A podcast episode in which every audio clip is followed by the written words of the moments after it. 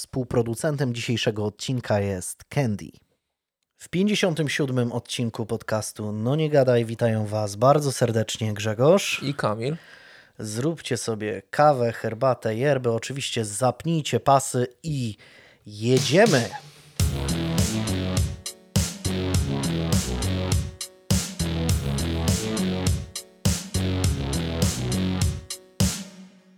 Piękny ten przerywnik, już dawno go nie słyszałem. O, puszczasz go sobie przed spankiem. nie mów, że nie. No tak. Nie, jest naprawdę fantastyczny. Zresztą co, co chwilę ktoś, ktoś pisze. Zwraca na to uwagę, zresztą nic dziwnego. E, tak. Jingle top, jingle top. Jingle top, jingle top. Tak. E, minęło, minęło trochę czasu, nie? Minęło trochę czasu, jak w Titaniku. It's been 84 years. Nie oglądałem nigdy Titanica, muszę się przyznać. Nigdy? Nigdy, nigdy. To jest od razu kontrowersja na sam początek. No to jest chyba jedyny taki klasyk, którego nie oglądałem nigdy w życiu. O wow. Więc nie wiem. Znaczy, wiesz, wiadomo, znam te, te sceny takie memiczne Kurde, no to... Nie no, porozmawiamy to... dzisiaj. Tak? tak? Miałeś cały odcinek w ogóle zaplanowany w oparciu o Titanica. No, ale wiesz, bo, o, bo, ale to zobacz, to nawet ktoś kiedyś, pamiętam, pisał, zresztą zawsze ten jest, e, e, jak się do, dodaje do nas do grupy, to o czym chciałbyś usłyszeć i kilka razy pojawiło się o tym, żeby był odcinek o Titanicu, więc to jest ciekawy temat, na pewno i jeśli chodzi o teorie spiskowe, ja, jeśli chodzi o zatonięcia statków, to bardzo interesowałem się swego czasu zatonięciem Lusitanii. To też, taki, też taka historia bardzo, e, bardzo ciekawa. I może też kiedyś zobaczymy. Ale teorie spiskowe ogólnie to, to, no to tak, to, to myślę, że myślę, że warto, żeby wróciły. To ty nie wiesz, co się wydarzyło, czy on zatonął, czy nie zatonął. Nie no, spodziewam się. spodziewałem się, że zatoną. No jednak e, jedno z bardziej popularnych scen jest ta właśnie, znaczy to, ta kwestia e, także sprawdzona naukowo, czy on byłby w stanie się zmieścić na jakichś drzwiach, tak? Tak, tak, tak, tak, tak. No, to, no to ja, ja, wiem, że wiem, jak to wyglądało. No to faktycznie, to jak już masz tak zaspoilerowane, to już pewnie nie obejrzysz tego. Nie, no to jest bez sensu trochę, no. No, no faktycznie, jest... kurde. Niesamowita. Dobra, no to po, co tam słychać? Ile czasu minęło? No, no nie, no tyle Strasznie czasu minęło, dużo. że tak wiesz, ciężko zapytać, co się działo, bo lepiej no. się zapytać, co się nie działo. No, Na pewno dokładnie. nie oglądałem Titanica w tym czasie. W tym czasie nie oglądałeś Titanica, ale, ale tak to nie wiem. E, ja na przykład oglądałem film o Robercie Lewandowskim na Amazonie. Obejrzałeś nie, ten film? Nie, oglądałem filmu o Robercie Lewandowskim. I ten, i ten film ten film się z, y, nazywa jakoś tak. Niezłomny, czy jakiś nie. Ale nie, nie, nie, właśnie. Y, niezłomny też, ale tam jest coś takiego, albo przynajmniej albo hasło. Nie? hasło nieznany? Nie jest nie, nie, tak, nieznany, czy, czy Robert Lewandowski, jakiego nie znacie, coś w tym no. stylu. Ja mówię, okej, okay, kurde, no to jestem ciekawy, co tam ujawnią, jakie smaczki, nie? I tam nie ma absolutnie nic nic z Czego nie znałeś? Znaczy, nawet nie tyle, że nie znałem, ale mówię, może nie wiem, Robert tam opowie o tym konflikcie ze swoim e, tym menedżerem, tak, mhm. kucharskim, czy o konflikcie z z tym, z Błaszczykowskim, tak? E, z, z, tym, jaka tam była ta cała spina, nie? Że, że to gdzieś tam, nie wiem, może Błaszczykowski zostanie zaproszony i coś tam opowie, nie? Że takie na zasadzie jakiegoś konfliktu, no po to się robi film, żeby jakiś konflikt był w tym, żeby, żeby jakieś, jakieś iskry szły z, tego, mm. z tej historii, a tam nie ma kompletnie nic. I ten film jest taki nudny w ogóle. To wiesz, to tak jak oglądasz te filmy o Maradonie, czy o, o, o jakichś takich, wiesz, ludziach, y, sportowcach, nie wiem, o Muhammadzie Alim, jak jest y, też mm. świetny zresztą film biograficzny. I później o takim Robercie Lewandowskim, jakby to był jakiś w ogóle człowiek z papieru zupełnie, nie? No, znaczy, znaczy ten, film, ten film jest sprawnie zrealizowany, ale jest totalnie nudny. Tam się nic nie dzieje, tam się nie dowiadujesz nic, co, co nie wiem, co mogłoby być. Jest emocjonująca scena, gdzie Robert tam trochę mówi o śmierci swojego ojca, no bo to jest taka sytuacja, która no powiedzmy mm, wpłynęła na niego, gdy tam miał 18 lat. Ale oprócz tego, to ten film jest totalnie bezpłciowy, tam się zupełnie nic nie dzieje, nie? Więc jeśli ktoś nie oglądał, to ja obejrzałem No, cięż- za was, cię- więc... cię- Ciężko spodziewać się ciekawego filmu, jeżeli sama główna postać nie jest jakoś mega kontrowersyjna. Przecież on nawet nie jest w stanie za bardzo się wypowiadać w kontrowersyjnych tematach. On bardzo, wiesz, jest bardzo dużym symetrystą, jeżeli chodzi o jakieś polityczne kwestie albo w- ogóle jakiekolwiek kwestie. On najpierw przeczeka, e, zobaczy jak sytuacja wygląda i dopiero później najwyżej się, e, się odezwie. Czy cokolwiek. Mhm. Pamiętasz w ogóle jakieś no, największa drama chyba jaka była z Lewandowskim, to gdy Maja Staśko powiedziała, że on ma chyba za drogi zegarek, coś takiego Mhm. było, że kiedyś gdzieś tam przyszedł. Jakby to była jedyna, y- y- jedyna taka kwestia, która gdzieś tam wzbudziła w show biznesie jakiś większy, wię- większy szum, tak? No bo kwestie te związane z Błaszczykowskim, czy tam właśnie z, z menadżerem, no to jakby tylko to sportowe środowisko wie o co chodzi, nie? Tak, żeby to pobudziło jakby emocje wszystkich, no to tak Lewandowski no jest, znaczy, jest ale taki, wiesz, jest ale- nijaki sam w sobie trochę, nie? Ale konflikt właśnie, konflikt z innymi piłkarzami, tak? Gdzie na przykład jest ten słynny film o Ayrtonie Sennie, gdzie jest y, ko jego konflikt z y, e, Prostem, tak? I ten... y, Albo jak był ten, był nie, niedawno był Last Dance i to wszystko, że coś, że Jordan brał personalnie jakąś tam Tak, ten, tak, jakąś... tak. I ten konflikt z Prostem nawet jest y, w, w filmie o Sennie jest tak trochę, no powiedziałbym, że tak trochę wyolbrzymiony, ale no film budujesz na jakimś konflikcie, tak? Na jakiejś, na jakiejś, coś tam się musi dziać, nie? Dlatego ja byłem pewien, że tam coś zostanie wyciągnięte, albo coś, o czym w ogóle nie wiem, albo właśnie historia na przykład tego konfliktu y, w Borussii Dortmund i w reprezentacji, no bo tam była kwestia, kto kapitanem będzie i tam no podobno było ostro, nie? Między nimi. Czy, czy najnowsza, wciąż ciągnąca się w sumie historia właśnie z y, Kucharskim, tak? Myślałem, że, że, że to gdzieś tam się może pojawi, a się okazuje, że tam nie było zupełnie, zupełnie nic. No totalnie, totalnie nudny film.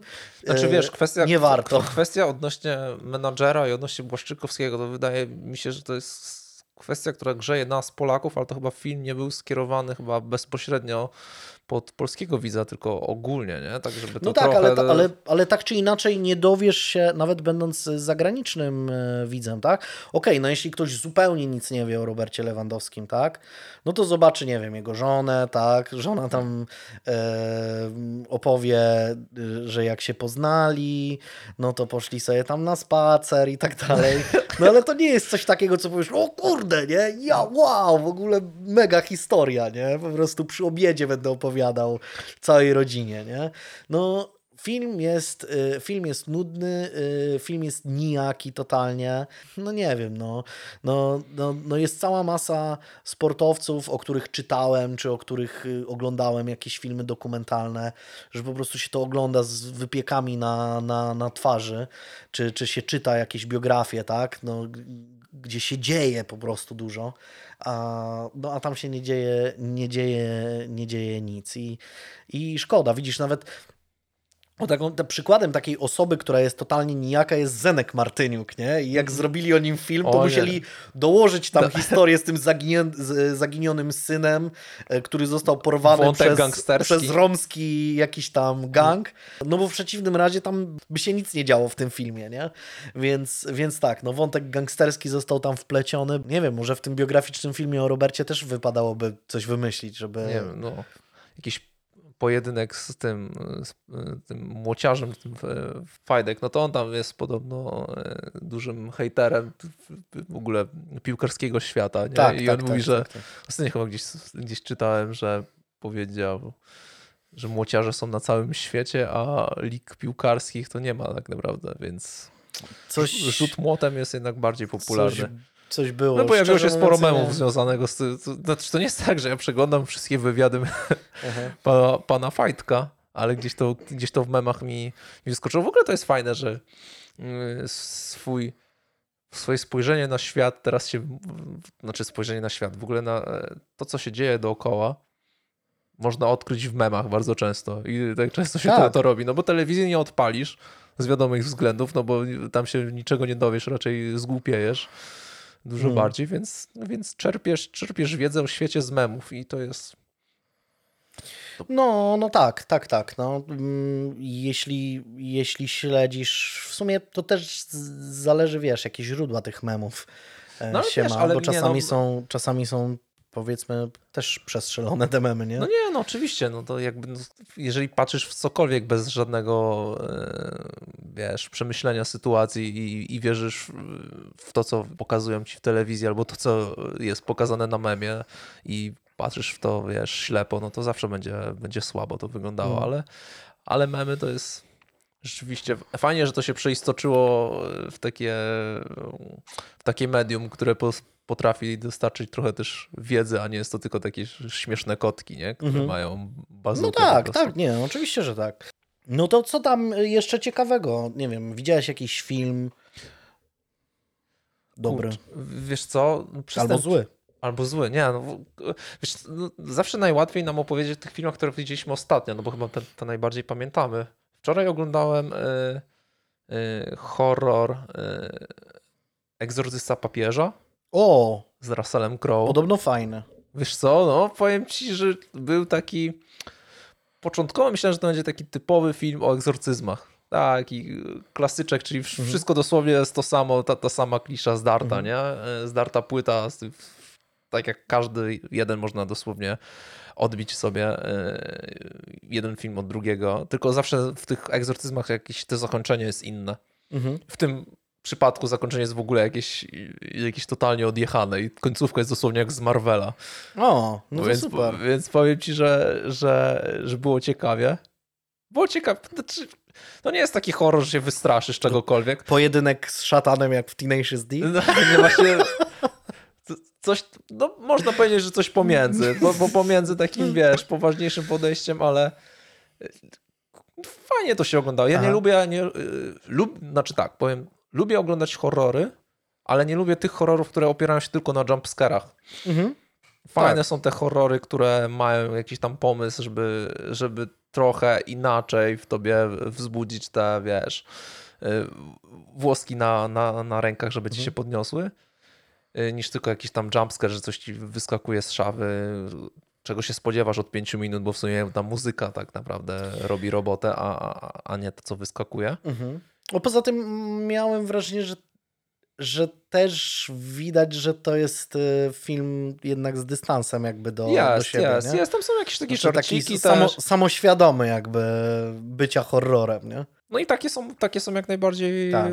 okej, nie? No bo to, to, to, to wiesz, ja jestem strasznym fanem y, wszystkich horrorów Jordana Pila na przykład i one Mhm. są takie, że rzeczywiście tam jest widać, że jest to przemyślane, jest od początku do końca z jakąś, wiesz, no, że z głową jest to kręcone, to nie jest no, no tak jak niektóre rzeczywiście te, te filmy horrorowe, które opierają się na tym, żeby jumpscare ci wyskoczył i, i na końcu wszystko, wszyscy żyli szczęśliwie.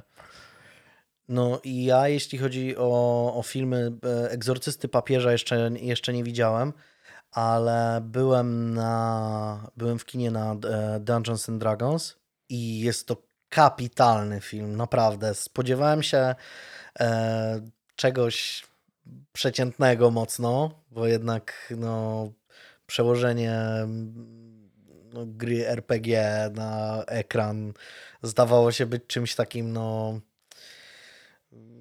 niełatwym do zrobienia, ale film jest naprawdę świetny. Przede wszystkim no, myślę, że w dzisiejszych czasach właśnie filmów Marvela, e, tych, y, no, no, gdzie dużo tych filmów już powstało i w dużej mierze wiele rzeczy jest mieleniem tego samego mm, wciąż i wciąż, to rzadko mam uczucie takiego czegoś, że widzę coś nowego, że widzę coś pomysłowego, nie? że mówię, kurde, nie wpadłbym na to, nie? Że to, że, że, żeby- tak to zrobić, żeby ta fabuła się w ten sposób potoczyła, czy żeby jakieś tam nawet drobne takie gimiki były po prostu ciekawe, nie?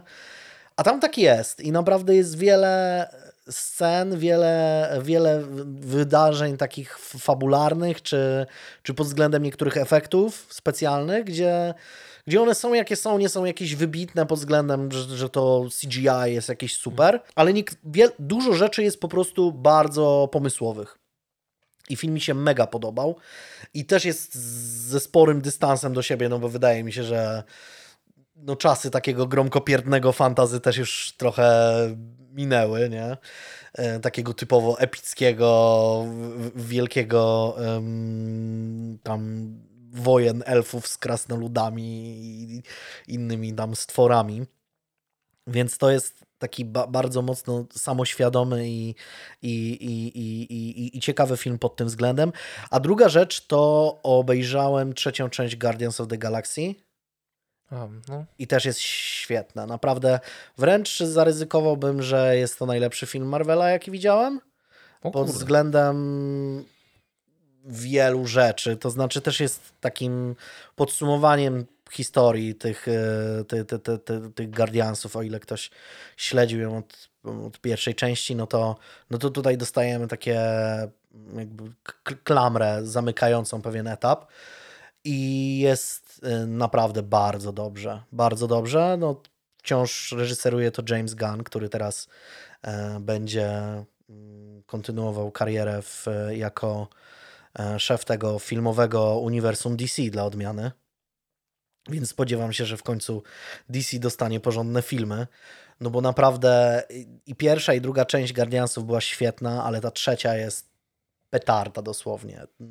Byłem zachwycony naprawdę tym filmem i polecam. Jeśli ktoś no, lubi to filmowe uniwersum Marvela, a zwłaszcza to, co robił James Gunn e, właśnie z, z Guardiansami, no to naprawdę e, ten film jest, jest, jest świetny. Jest świetny Ja to już się naprawdę. chyba na amen odbiłem już od Tak? wszystkich No.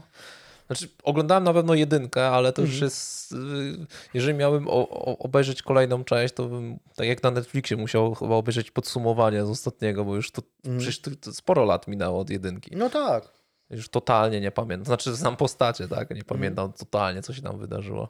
No ja Nie. tej, tej najnowszej fazy Marvela nie śledziłem tak e, powiedzmy e, nie widziałem wszystkich filmów, sporo, sporo tego pominąłem i, i, i chyba bez większej straty z tego co tak słyszałem. E, no ale, ale tutaj naprawdę, naprawdę podobało mi się bardzo, więc e, No tam było Więc- tych, tych Ant-Manów pełno, nie?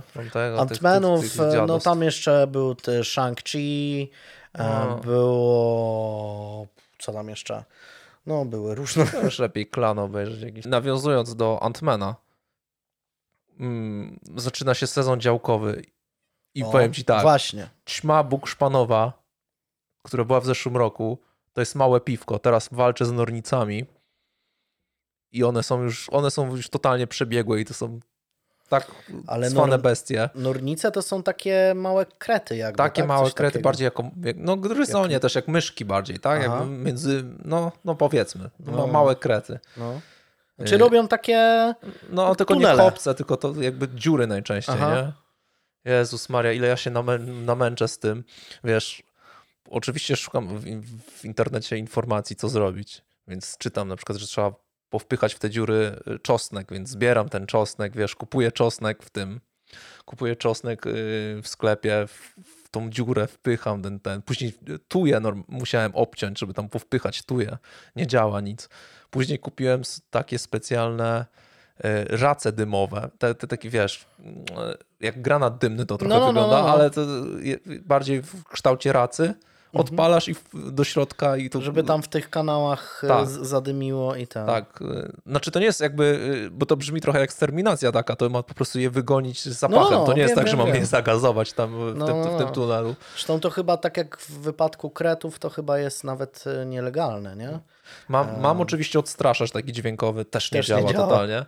Y, Zastosowałem też oprysk, też nie działa totalnie. Mhm. Y, Ten czosnek, mm, często ludzie radzą, żeby zasadzić czosnek ogólnie, czy, czy zwykły, tak, czy ozdobny. No to ostatnio są tak, no to już teraz to, to takiego luzera mi pokazały i fakersa, no bo zaczęły wychodzić przy czosnku ozdobnym, który został posadzony i wiesz. Jestem totalnie w, wiesz, nie wiem już co robić. Obok, No. y, obok dziurki się pojawiają od mrówek, których jest od cholery w ogóle. Mhm. I naj, naj, naj, najgorsze jest to, że przychodzisz na tą działkę i tak, zamiast się cieszyć z tego, że jest od cholery borówek, jakiś wiesz, wiśni, czereśni, wszystkie, wszystko fajnie kwitnie, wszystko fajnie wygląda, to ty widzisz tą dziurę i i widzisz szklankę do połowy pustą jednak. Ale to, wiesz, tak jak było, tak jak było z e, ćmą bukszpanową, e, tak podejrzewam, że i z nodnicami znajdzie się grono słuchaczy i słuchaczek, No ja, ja, mam, ma, ja mam nadzieję. obsypią ciebie różnymi e, Ja radami. już nadzieję, bo już mam, mam, wiesz, już nie wiem, nie wiem co robić, nie? Ręce, Mhm. to są ręce, które opadają właśnie. A szerszenie? Może A szerszenie. może szerszenie, no. Gniazdo mam- szerszeni, tak jak w wypadku ćmy bukszpanowej. Ale mam, mam na przykład domek na owady Aha. Założony, no ale tam się szersze nie zmieści, bo to wiesz, te domki do, na owady to są Aha. takie malutkie. No Więc to może jakiś- właśnie dla szerszeni. Może taki domek dla szerszeni można kupić. Nie wiem. Szerszenie, no może szerszenie przegonią. No. Znaczy, No gorzej, jak mi ktoś będzie kazał te szerszenie w te, w te małe nor... dziury wsadzić, to ja nie wiem, jak tam do szerszenia wrzucę. no liczymy na, na cenne rady y, naszych słuchaczek i słuchaczy, bo, bo, no bo jesteście Bo nie jest łatwo, nie jest łatwo. W, tak, no bo, bo, bo, bo, bo jest trudne zadanie. No. Tak, a mm, okres grillowy się rozpoczął, więc dobrze by, dobrze by było tak na No. spokojnie sobie usiąść. No tak, no tak. No dobra, no to, no to nie wiem, no y, jeśli ktoś ma jakiś sposób na nurnicę, nurnicę, Nornice, no najprawdopodobniej to są nornice, bo mo, m, może to jest coś innego, jakby to opieram swoją wiedzę tylko i wyłącznie na tym, co, co znalazłem w internecie. Jestem Mhm. początkującym działkowiczem i ogrodnikiem, więc y, może to jest coś innego. no to jeśli ktoś ma jakieś e, sposoby, e, No nie, odpu- ale odpuśćmy te szerszenie, bo to nie, to nie Szerszenie nie. jest, szerszenie nie jest dobry pomysł. Oprócz szerszeni, Oprócz szerszeni, odpuśćmy szerszenie. to, to, to, to, no to dawajcie znać, no bo, bo sprawa jest poważna. Nie, zawsze sobie tak sobie wyobrażam, no właśnie, gniazdo sz- szerszeni, ja tam wiesz, siedzący przy grillu, kiełbaska robiona, ale bez nornicy żadnej, nie? No tak, Ukąszenia gromadne na całym ciele, ale, ale zadowolony, bo nie ma nornic. No. problem rozwiązany. I ćmy bukszpanowej też nie ma, bo podobno szerszenie w, w ten. A z ćmą bukszpanową się udało, Tak? te wszystkie y, porady zadziałały O. i na razie jest ok. To znaczy, y, pojawiły się znowu na samym początku, Mhm. ale zostały wykonane wszystkie opryski, wszystko, co, co zostało przedstawione. Y, Nawet jak mieliśmy ten light Boży na, Mhm. na grupie, to tam były, oczywiście ćma bukszpanowa wraca prawie za każdym razem.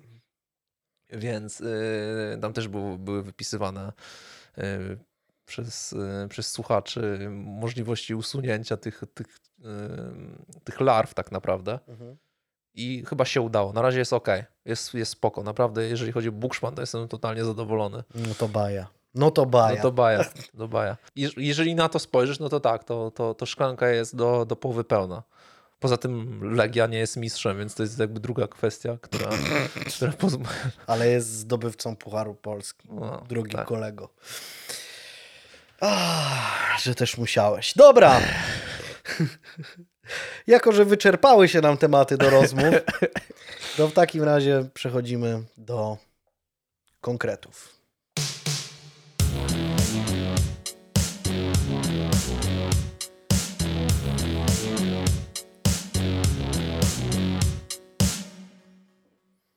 Przez ostatni miesiąc y, muszę przyznać, że totalnie pochłonął mnie życiorys pewnej postaci, o której w końcu postanowiłem też opowiedzieć w podcaście. Mm, Fani True Crime'ów nie muszą regulować odbiorników, bo y, dla nich też się coś y, znajdzie. Bohater dzisiejszej historii, gdy był już znany na całym świecie, rozpoczął swoją biografię tymi słowami. Urodziłem się 6 kwietnia 1874 roku w niewielkim miasteczku Appleton w Wisconsin w Stanach Zjednoczonych. Dopiero 45 lat po jego śmierci specjalna komisja po zbadaniu setek dokumentów ustali, że w tym jednym zdaniu wszystko jest kłamstwem. Eric Weiss przychodzi na świat nie 6 kwietnia, tylko 24 marca 1874 roku. Co więcej, miejscem jego narodzin nie jest Appleton ani żadne inne miasteczko w Stanach Zjednoczonych, a stolica Austro-Węgier Budapeszt, który zaledwie od roku nosi taką właśnie nazwę. Ale rok się zgadza. Rok się, rok się zgadza, tak. Jeśli chodzi o Austro-Węgry, to gwoli ścisłości stolice mm, były dwie, czyli Wiedeń i, i Budapeszt, a, a dlatego no, nosi taką nazwę dopiero od niedawna, bo wcześniej był Budapeszt był takim trójmiastem, można powiedzieć. Była Budapeszt i jeszcze jakieś tam trzecie miasteczko, które, które później się połączyło w jedno, w jedno duże.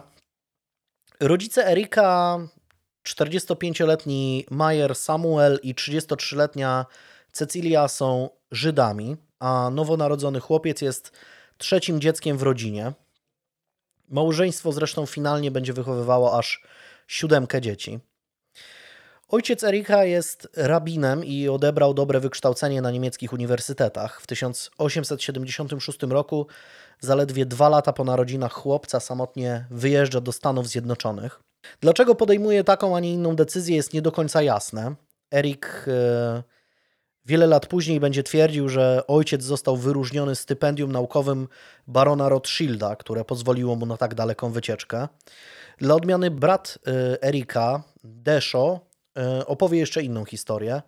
Według niego rabin Weiss pewnego dnia usłyszał mężczyznę wygłaszającego publicznie antysemickie poglądy, co doprowadziło do straszliwej kłótni. Konflikt okazał się do tego stopnia zażarty, że został zakończony pojedynkiem na śmierć i życie. Starcie zakończyło się zwycięstwem rabina Weissa i śmiercią jego oponenta. Majer Samuel nie miał jednak zbyt wiele czasu na celebrowanie tego faktu, bo pokonany przez niego mężczyzna okazał się wpływowym szlachcicem, którego śmierć mogła zostać wkrótce pomszczona. W wyniku takiego obrotu spraw rabin Weiss miał szybko podjąć decyzję o samotnym wyjeździe za ocean, by po prostu ratować swoje życie. Historia ta faktycznie jest dość spektakularna, ale najprawdopodobniej nie ma w niej zbyt wiele prawdy. Bardzo możliwe, że prawdą nie jest ani to, że dostał stypendium barona Rothschilda, ani to, że pokonał w pojedynku jakiegoś szlachcica, czy w niektórych wersjach nawet yy, księcia, czy coś w tym stylu. To w sumie tak Lewandowski też bym mógł sobie pozmyślać, nie? Na przykład. Tak, no właśnie. Czy ja, ja już wiem, wiem czemu do tego piłeś. Że wyjechał do Dortmundu, bo pokonał na przykład kogoś na, na, na szable i okazało się, że to, nie wiem, na przykład no. ktoś ważny. Tak. Wiadomo jednak na pewno, że w 1876 roku Mayer Samuel zjawia się najpierw w Nowym Jorku i dopiero dwa lata później trafia do oddalonego ponad 1500 km miasteczka Appleton w Wisconsin, gdzie faktycznie zostaje rabinem lokalnej społeczności żydowskiej.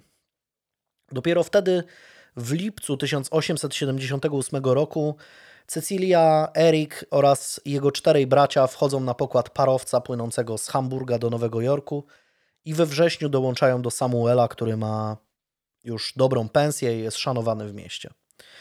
Przez cztery następne lata Erik przeżywa beztroski czas dzieciństwa, ma wielu przyjaciół, a rodzina Weissów żyje na bardzo dobrym poziomie.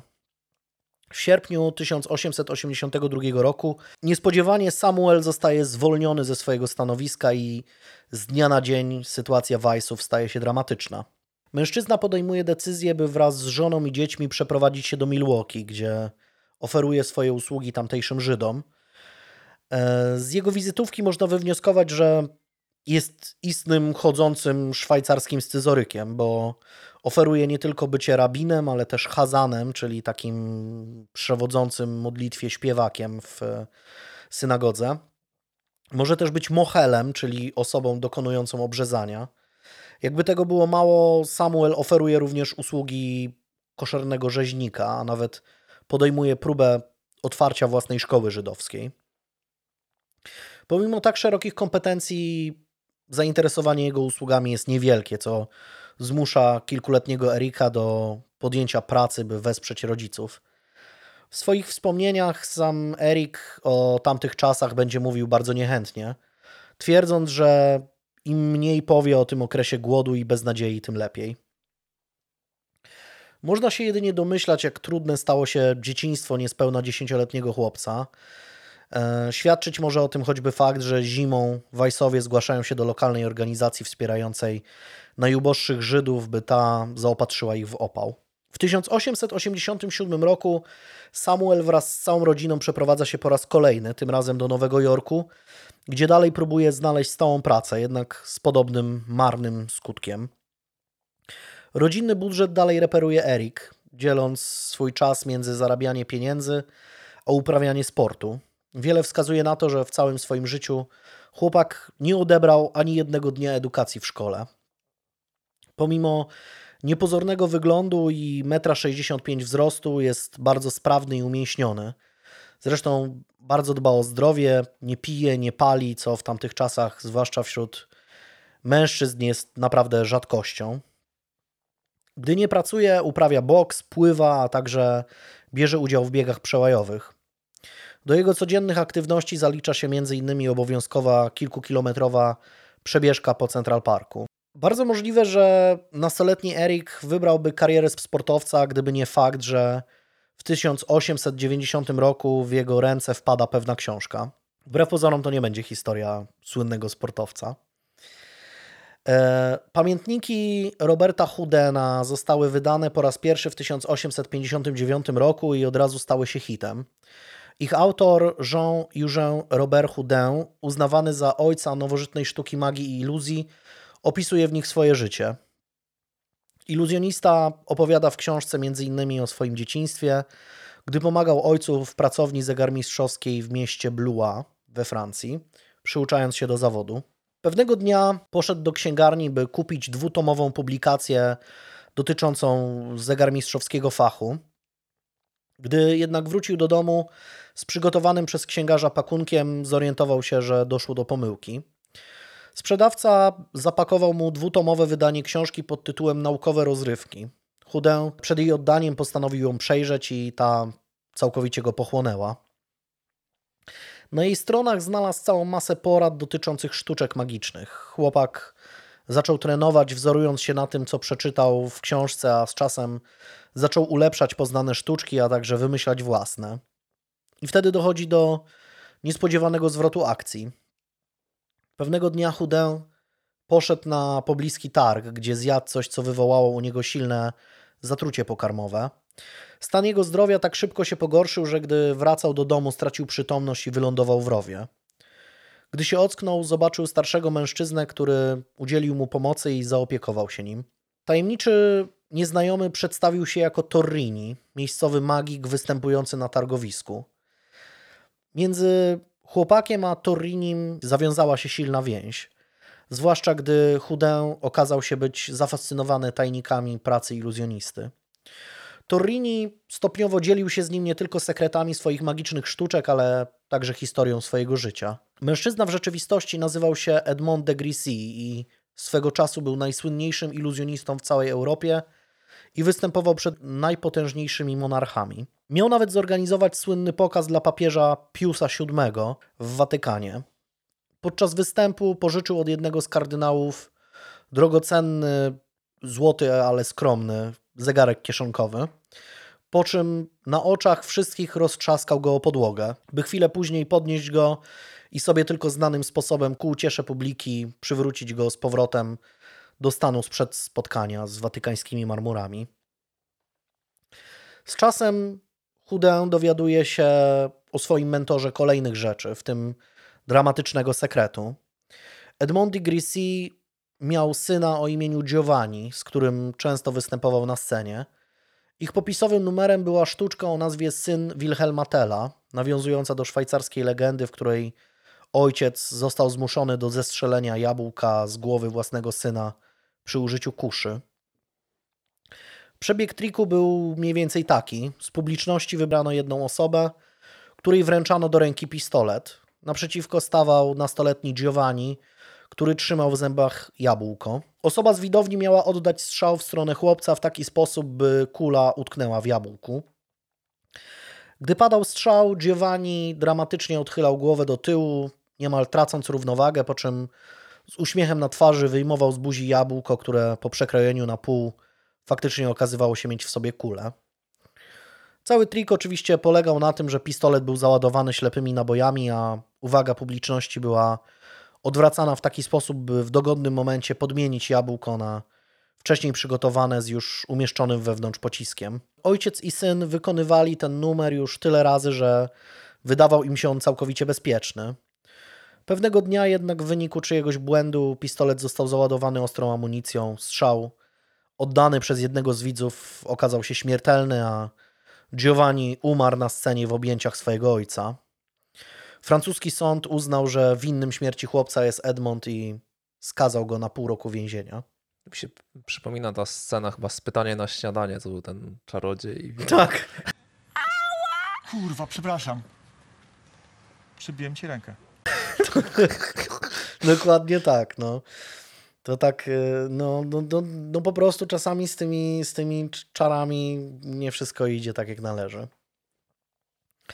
Po wyjściu na wolność mężczyznę dobiły kolejne wieści. Gdy ten odsiadywał wyrok, jego żona tak bardzo przeżywała śmierć swojego syna i skazanie męża, że jej serce nie wytrzymało. Zmarła krótko przed wyjściem Edmonda z więzienia. Niegdyś najsłynniejszy magik świata był całkowicie zdruzgotany. Wielu przyjaciół i ludzi ze środowiska odwróciło się od niego, a ten utracił jakąkolwiek chęć do życia. U jego boku został tylko szwagier, który namówił Edmonda, by ten z powrotem wrócił na scenę i robił to, co kochał najbardziej, czyli zachwycał tłumy swoimi magicznymi występami. Edmond przybrał więc przydomek Torrini i jeździł po różnych małomiasteczkowych festynach, gdzie za niewielkie pieniądze i z dużo mniejszym niż kiedyś rozmachem występował przed publicznością. Gdy napotkał bliskiego śmierci chłopaka, zrozumiał, że musi mu pomóc i potraktował to jako swoją pokutę. Przekazał mu całą swoją wiedzę i doświadczenie związane ze sztuką iluzji. Przez pewien czas Houdin był jego asystentem, aż pewnego dnia Torini rozchorował się tak, że jego podopieczny musiał wystąpić za niego. Pomimo tego, że pokaz nie był tak dobry jak w oryginale, to Houdin zrozumiał, że może rozpocząć samodzielną karierę. W ten sposób Torini wychował sobie swojego następcę, jednocześnie czując ulgę pewnego rodzaju odkupienia. W swoich pamiętnikach Houdin wspomina wzruszenie, jakie czuł, gdy żegnał się ze swoim mentorem, by wyruszyć swoją własną drogą. No nie trudno sobie wyobrazić, jak wielkie wrażenie na nastoletnim Eriku zrobiła lektura tej książki. Historia wielkiego iluzjonisty i jego wybitnego nauczyciela brzmiała jak legenda albo baśń. Świat magii natychmiast pochłonął chłopaka i ten postanowił wraz ze swoim kolegą Jacobem również spróbować sił w scenicznej sztuce iluzji. Choć biografowie sprzeczają się, jaka była geneza nazwy, którą wybrali, najbardziej prawdopodobna jest jednak wersja, że postanowili uhonorować zarówno Houdena, jak i Toriniego. I tak właśnie powstali bracia Houdini. Erik ponadto przybrał bardziej amerykańskie imię Harry i tak właśnie stał się Harrym Houdinim. Jak na ironię, wiele wskazuje na to, że Jacob wpadł na pomysł, by tak się nazwali, jednak to Harry przez następne lata uczynił ten przydomek nieśmiertelnym. Duet w takim składzie zresztą nie występował zbyt długo ze względu na fakt, że Jacob zaledwie kilka lat później dostanie powołanie do armii, co zmusi Harego do występowania solo lub ze swoim bratem. Gdyby nie książka Roberta Houdena, świat prawdopodobnie nigdy nie usłyszałby o wielkim Houdinim, który był całkowicie oczarowany życiorysem wielkiego iluzjonisty. Dopiero po latach Harry Houdini odkryje w biografii Houdena sporo nieścisłości, które opisze w książce pod tytułem Zdemaskowanie Roberta Houdena. Stwierdzi tam, że ten przypisał sobie wiele zasług, które mu nie przysługiwały. Miał też wątpliwości co do autorstwa samej książki. Harry nie odkryje jednak najbardziej wstrząsającej prawdy na temat swojego idola z dzieciństwa. Wiele lat po jego śmierci dopiero badacze zajmujący się historią iluzjonistów i e, biografią samego Houdiniego odkryją, że ani Torini, ani jego syn Giovanni nigdy nie istnieli, a wszystkie historie z nimi związane, łącznie z tą o papieżu i tą o tragicznej śmierci syna wielkiego Toriniego i tą o śmierci żony mm, Toriniego, nigdy nie miały miejsca. Houdin nawet z własnego życiorysu uczynił trwającą grubo ponad 100 lat iluzję, na którą złapało się wielu biografów i badaczy tematu.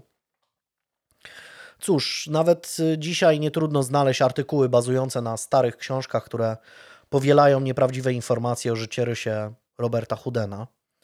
Jak zresztą już się przekonaliście, a będzie tego więcej, Harry wcale nie będzie wiele lepszy od swojego mistrza pod względem mieszania i mylenia tropów we własnym życiorysie.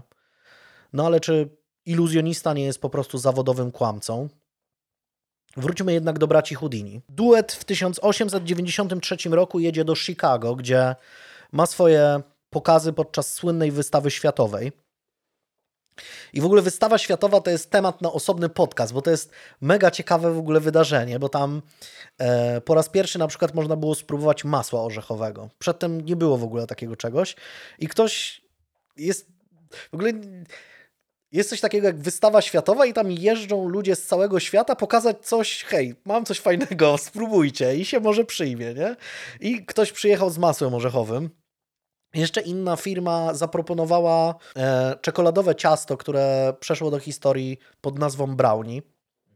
Też wcześniej nie istniało. To zresztą nie koniec tych gastronomicznych ciekawostek, bo istną furorę robi dwóch imigrantów z Austro-Węgier, którzy stawiają na terenie targów stoisko z prostą, tanią przekąską nazywaną hot dogiem.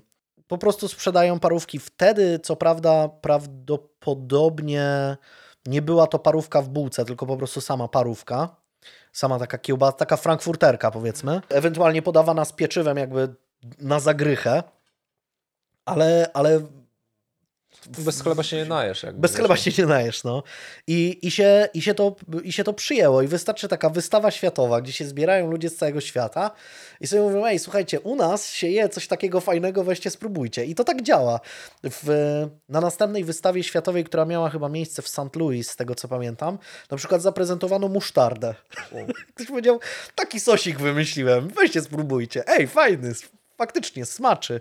Sobie tego hot doga weź daj, to zobaczymy, czy będzie smakował z tym sosem. Nie no, mega pomysł w ogóle.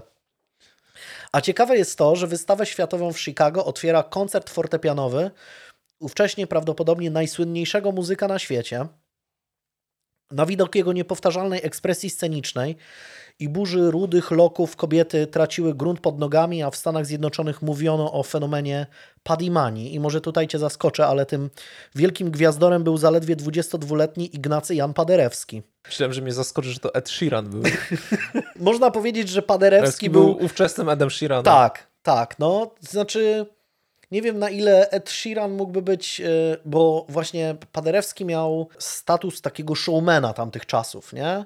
Że jak na pianistę był taki bardzo mocno ekspresyjny i taki e, do tego mega przystojny i kobiety tam się w nim kochały i w ogóle była ta właśnie padimania na praktycznie całym tym zachodnim świecie. I Paderewski jeździł po, po całym świecie i robił totalną furorę. I pod tym względem trochę Ed Sheeran nie pasuje, no bo on jest raczej takim, mam wrażenie przynajmniej, że takim skromnym No nie. gościem i nie Znaczy to- to typem jakby, wiesz, na- Michaela Jacksona, tak? Tylko Nie no, na, to jest, wiesz, to jest pojechanie najprostszym stereotypem związanym z kolorem z włosów. kolorem nie? włosów, oczywiście. Ale, ale fakt, że wtedy Paderewski był totalnie uznawany za no, praktycznie największego muzyka ever. Czyli on tam grał, a jeszcze nawet nie wiedział, że powstała mu sztarda. Znaczy, że powstanie dopiero w przyszłym Tak, roku. tak, tak, tak, no. Wyobrażasz sobie? No jest to taka. No, jest to zawsze bardzo, tak jak mówisz, jest to ciekawe, jak ludzie wpadli na niektóre rzeczy. Nie? To jest tak, jak sobie pomyślisz, jak ktoś wpadł kiedyś, żeby wyciągnąć ziemniaka z ziemi, tak? Mhm. No. Ale żeby coś z nim zrobić, żeby go ugotować, czy go wiesz, Tak, co, co, dokładnie. co, cokolwiek z nim zrobić, żeby obrobić go termicznie. Wiesz, i się z iloma rzeczami wcześniej, iloma warzywami wcześniej próbował to samo zjeść. i się nie I udawało, no. aż w końcu wziął ziemniaka i powiedział, kurde, dobre. Super. Ale może jeszcze to oskrobie. No, oskrobie, a może usmażę. No. Potnę w takie podłużne, cienkie y, paseczki, Paseczki, I, no. i może będzie dobre. No. No. No, ciekawostka. Ciekawostka. Y, Co do Paderewskiego, to Harry prawdopodobnie był fanem jego muzyki, a z pewnością jego pracowitości, bo kilka lat później, gdy już będzie znany, powie, że wzorując się na polskim pianiście, poświęca 7-8 godzin dziennie na doskonaleniu swoich przedstawień. Po zakończeniu wystawy światowej w Chicago bracia wracają do Nowego Jorku, gdzie pracują za głodowe stawki w objazdowych muzeach osobliwości. Rok później 21-letni Harry poznaje koleżankę występującą często w tych samych przedstawieniach co bracia Houdini. Jest nią filigranowa 18-letnia tancerka i piosenkarka z zespołu Floral Sisters, Wilhelmina Beatrice Runner, nazywana przez przyjaciół Bess. No myślę, że gdybym miał na imię Wilhelmina, to też bym wolał, że mówili na mnie Bess. Bo takie bym powiedział średnie imię. Po nie więcej niż trzech tygodniach randkowania para postanawia wziąć ślub. E, Decyzja ta spotyka się z silnym sprzeciwem matki dziewczyny. Przede wszystkim ze względu na to, że Harry jest Żydem, a Bess pochodzi z konserwatywnej rodziny niemieckich katolików. Zakochani jednak, no, mówiąc krótko, mają to gdzieś i rozpoczynają po prostu wspólne życie, zarówno prywatne, jak i zawodowe, bo Bess e, natychmiast zostaje asystentką Houdiniego. On sam zresztą powie, że to właśnie ona jako pierwsza uwierzyła w jego umiejętności i poczuła drzemiący w nim potencjał. E, Tak zaczynają występować jako The Houdinis. Mm, Para zresztą zdaje się być dla siebie stworzona, bo Bess ma niecałe 1,50 m wzrostu i waży nieco ponad 40 kg, co niewielkiemu haremu pozwala stwarzać wrażenie roślejszego, wyższego. W rzeczywistości ma 1,65 m, ale przy swojej mm, no, drobnej żonie po prostu no, lepiej prezentuje się na scenie. Małżonkowie występują w tym czasie w objazdowych cyrkach podczas tak zwanych medicine shows albo w gabinetach osobliwości. Medicine shows to zazwyczaj jak się ogląda westerny albo takie stare amerykańskie filmy, to mm, to były takie objazdowe przedstawienia mające na celu y, rozreklamowanie jakiegoś, nie wiem, na przykład płynu na porost włosów albo coś w tym stylu. Tak jak w westernach jeżdżą takie wozy, gdzie, nie wiem, ktoś tam tańczy i śpiewa na temat y, balsamu z jadu węża, który leczy jakieś tam kurzajki czy coś w tym stylu. No, tak to, y, tak działają, tak działały wtedy te medicine shows, a gabinety osobliwości to przedstawienia, w których zazwyczaj właśnie biorą udział jacyś, nie wiem, ko- kobieta z brodą, no. człowiek z pięcioma rękami, tego typu rzeczy.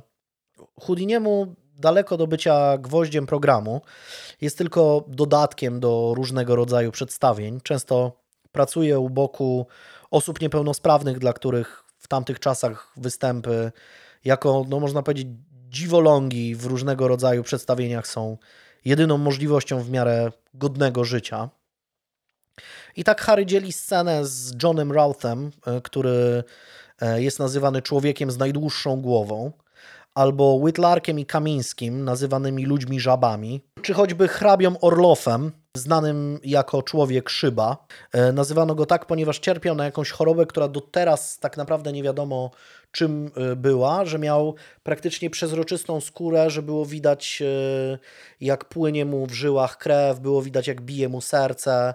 Mm, No, mm, cierpiał na jakąś dziwną chorobę i przeszedł w sumie do, do historii jako jeden z najsłynniejszych tych tak zwanych dzi dziwolągów. Mm, Nawet niedawno wyszła książka Dziwolągi, która opowiada o takich gabinetach osobliwości i ludziach, którzy pojawiali się i żyli z tego, że, no, że po prostu byli niepełnosprawni albo chorzy na coś e, e, lub mieli różnego rodzaju deformacje. Zwłaszcza z tym ostatnim, czyli z tym e, hrabią Orlofem, e, Harry e, nawiąże mm, wieloletnią przyjaźń. Małżeństwo Houdinich, pomimo doskonalenia swoich występów, zarabia marne grosze, które ledwo pozwalają na wiązanie końca z końcem. Oprócz sztuczek iluzjonistycznych występują też we dwójkę przez pewien czas w komediowym show, a Harry ma też epizod, w którym prezentuje się w odpowiedniej charakteryzacji jako Prochea dzikus z Meksyku. Rezygnuje jednak z tej roli, gdy ktoś rzuca w niego kawałkiem mięsa, który boleśnie trafia go w oko.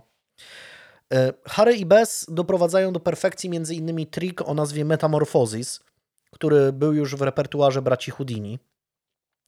Jego przebieg jest mniej więcej taki. E, Na scenie zostaje postawiony sporych rozmiarów kufer. Z widowni zostaje poproszonych kilka osób, które mają za zadanie dokładnie związać Harego, często dodatkowo zakuwając go w kajdanki. Dla spotęgowania efektu od jednego z widzów Houdini pożycza marynarkę i zakłada ją. Harry często wybiera znane postacie z lokalnej społeczności, e, choćby burmistrza, szeryfa albo kogoś, kogo publiczność będzie w stanie rozpoznać jako powiedzmy swojego. By nie było wątpliwości, że bierze podstawioną osobę. Spętany magik wchodzi do płóciennego worka, który również zostaje ciasno zawiązany przez ochotników. Worek z magikiem zostaje następnie umieszczony w kufrze, który zostaje zamknięty na kłódkę i w zależności od wariantu opleciony linami lub łańcuchami i zabezpieczony kolejnymi kłódkami, które zapewniają publikę, że osoba w jego wnętrzu nie ma możliwości opuszczenia skrzyni. Czasami zamknięcie worka zostaje nawet dodatkowo zapieczętowane przy użyciu wosku. Przed kufrem staje bez, prosząca publiczność o pełne skupienie. Wtedy zostaje zasłonięta kurtyna, następuje klaśnięcie, potem drugie, po czym wraz z trzecim klaśnięciem kurtyna się rozsuwa, a w miejscu, w którym dosłownie 3 sekundy temu stała asystentka, stoi Harry Houdini. Wtedy kufer, którego zabezpieczenia zdają się być nienaruszone, zostaje otwarty. Rozwiązany zostaje worek, a z niego wyskakuje bez, związana w taki sposób i mająca na sobie tę samą marynarkę jednego z widzów, którą, miała na sobie, y, którą miał na sobie Harry. Wszystko zostaje przeprowadzone błyskawicznie i sprawnie ku zachwycie publiczności. Inną sztuczką, którą Houdini zachwyca tłumy jest tak zwany hinduski numer z igłami. Jak zwykle E, Harry czaruje publiczność, często robi to w sposób żartobliwy, twierdząc, że ma problemy ze zdrowiem i cierpi na niedobór żelaza w organizmie. Zaraz po tym wyciąga z kieszeni garść igieł. Jest ich od kilkunastu do kilkudziesięciu. Na scenę tradycyjnie zostaje zaproszonych kilka osób, które mogą się przyjrzeć igłom i upewnić się, że no są to najzwyklejsze igły. No jakie są igły, to każdy wie, no takie zwykłe. Gdy ochotnicy są absolutnie przekonani, że Houdini nie oszukuje, ten zaczyna po kolei umieszczać je w ustach, chrupiąc i zapewniając, że są one bardzo zdrowe i smaczne. Po zjedzeniu wszystkich ochotnicy mogą zajrzeć mu do buzi, ku ich zaskoczeniu igły faktycznie zniknęły, tak jakby magik faktycznie je połknął. To jednak nie koniec. Wtedy Houdini wyjmuje długi, cienki sznurek i również stopniowo go zjada, do momentu aż z ust wystaje mu tylko kilkucentymetrowa końcówka.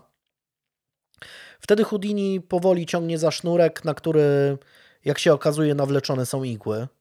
Według wspomnień samego magika, najbardziej spektakularna wersja sztuczki, prezentowana później przed gigantycznymi tłumami dla spotęgowania efektu, będzie przewidywała użycie aż 150 igieł i 30 metrów sznurka.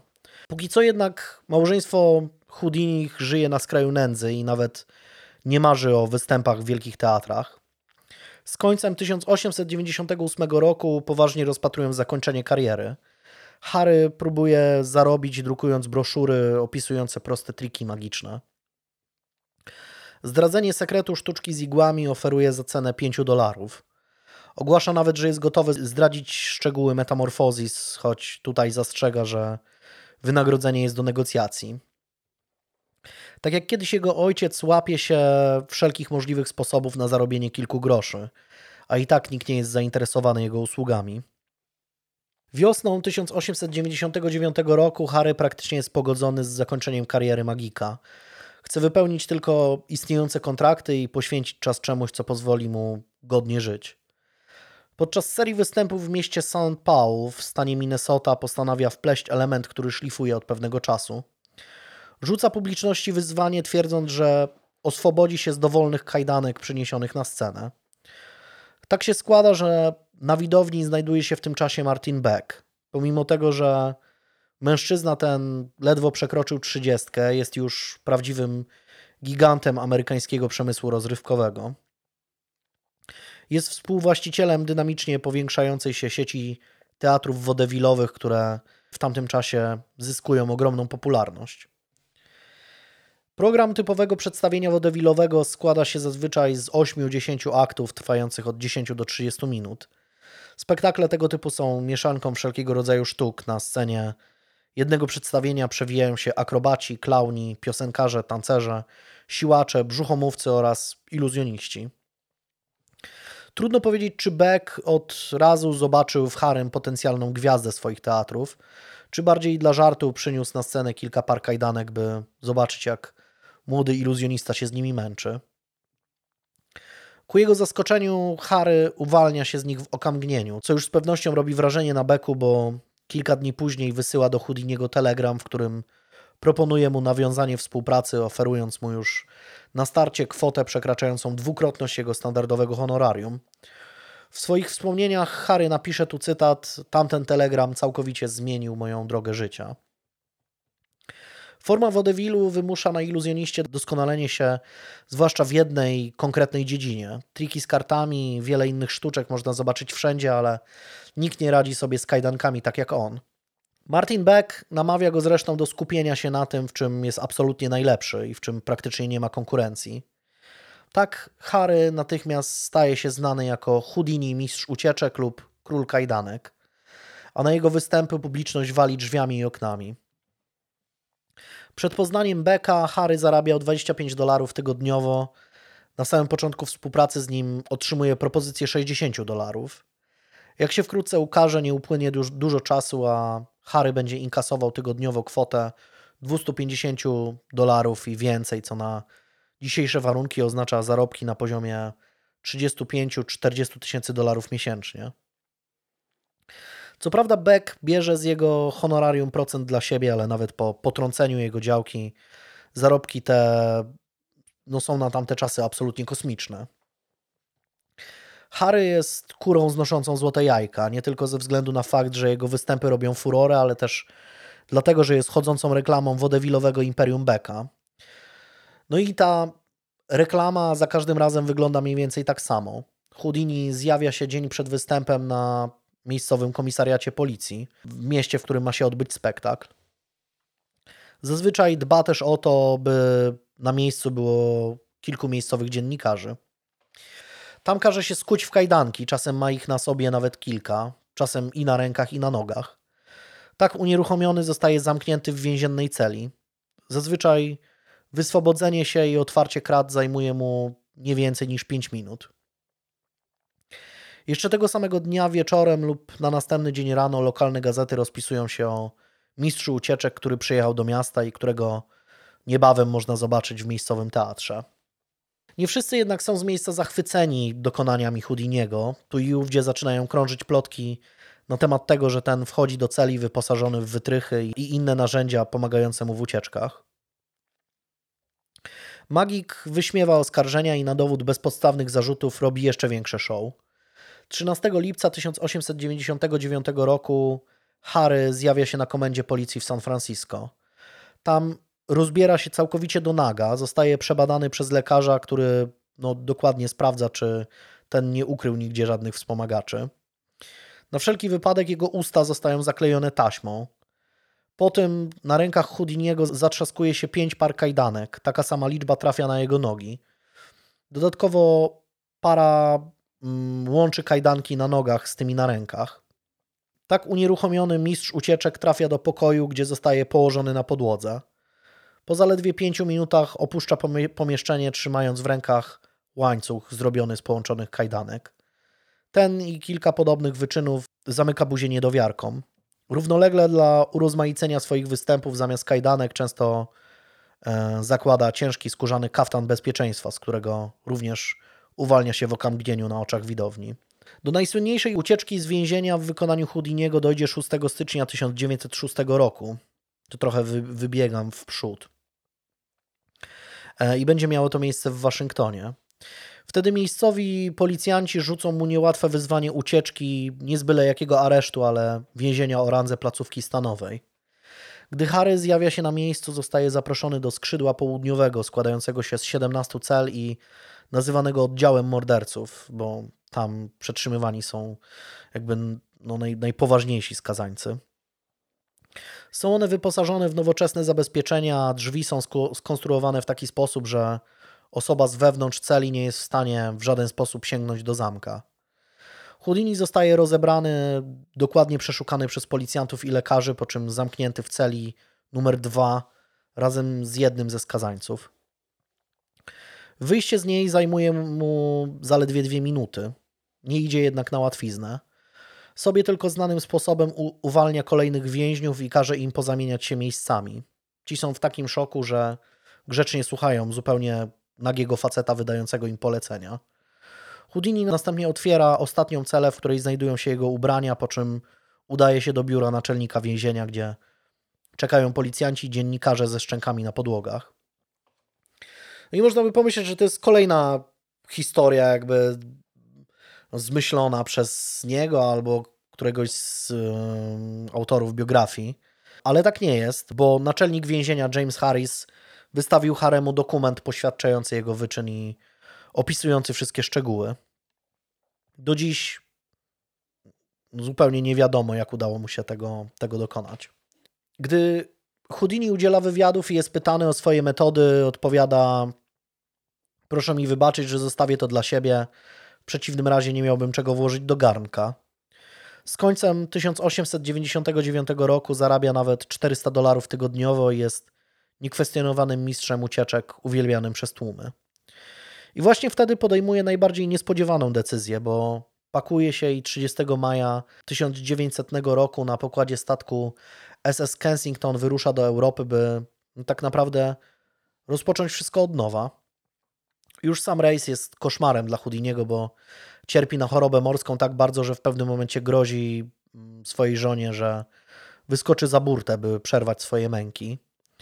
Bez będzie później opowiadała, że mm, no, trudno było powstrzymać mistrza ucieczek przed samobójstwem i musiała przywiązać go do łóżka, co zresztą no, nie było najłatwiejszym zadaniem. Wkrótce okazuje się, że to nie koniec przykrych niespodzianek. Gdy w końcu docierają do Londynu, okazuje się, że padli ofiarami oszustwa. Pośrednik, który miał zorganizować pierwsze zlecenia i kontrakty na występy, w ogóle nie wywiązał się ze swojego zadania, zostawiając Houdinich na lodzie. Harry wraz z Bess chodzą więc od teatru do teatru, ale nikt w Anglii jeszcze nie zdążył usłyszeć o wielkim mistrzu ucieczek. Małżeństwo ma przy sobie liczne wycinki z amerykańskich gazet informujące o spektakularnych wyczynach magika, ale na nikim nie robią one wrażenia. Stany Zjednoczone wciąż mają opinię niezorganizowanego, dzikiego kraju, więc wyobrażenie o tamtejszej policji czy więzieniach również nie jest najlepsze. Ucieczka z takowego nie brzmi więc dla nikogo jak coś wielkiego. Według jednej z wersji wydarzeń podobnego zdania jest kierownik londyńskiego teatru Alhambra, Charles Slater, który jednak dla świętego spokoju idzie z magikiem do siedziby samego Scotland Yardu, gdzie spotykają słynnego dowódcę Wydziału Specjalnego Williama Melvilla. Tam na prośbę Slatera Houdini zostaje skuty w taki sposób, że jego ramiona oplatają filar budynku, a jego twarz ściśle do niego przylega. Wtedy Melville odchodząc rzuca do Harego, tu cytat, właśnie tak traktujemy jankeskich kryminalistów, którzy wpadają w kłopoty. Wrócimy po ciebie po zjedzeniu lunchu. Funkcjonariusz nie zdążył nawet zamknąć za sobą drzwi, gdy tuż za nim zjawia się Harry, mówiąc, że chętnie pójdzie razem z nimi. Tak rozpoczyna się przygoda mistrza ucieczek w Europie. Niektórzy specjaliści, którzy spędzili całe lata na analizowaniu życiorysu Houdiniego, twierdzą, że spektakularny pokaz w siedzibie Scotland Yardu nigdy się nie odbył. Za to inni idą jeszcze dalej.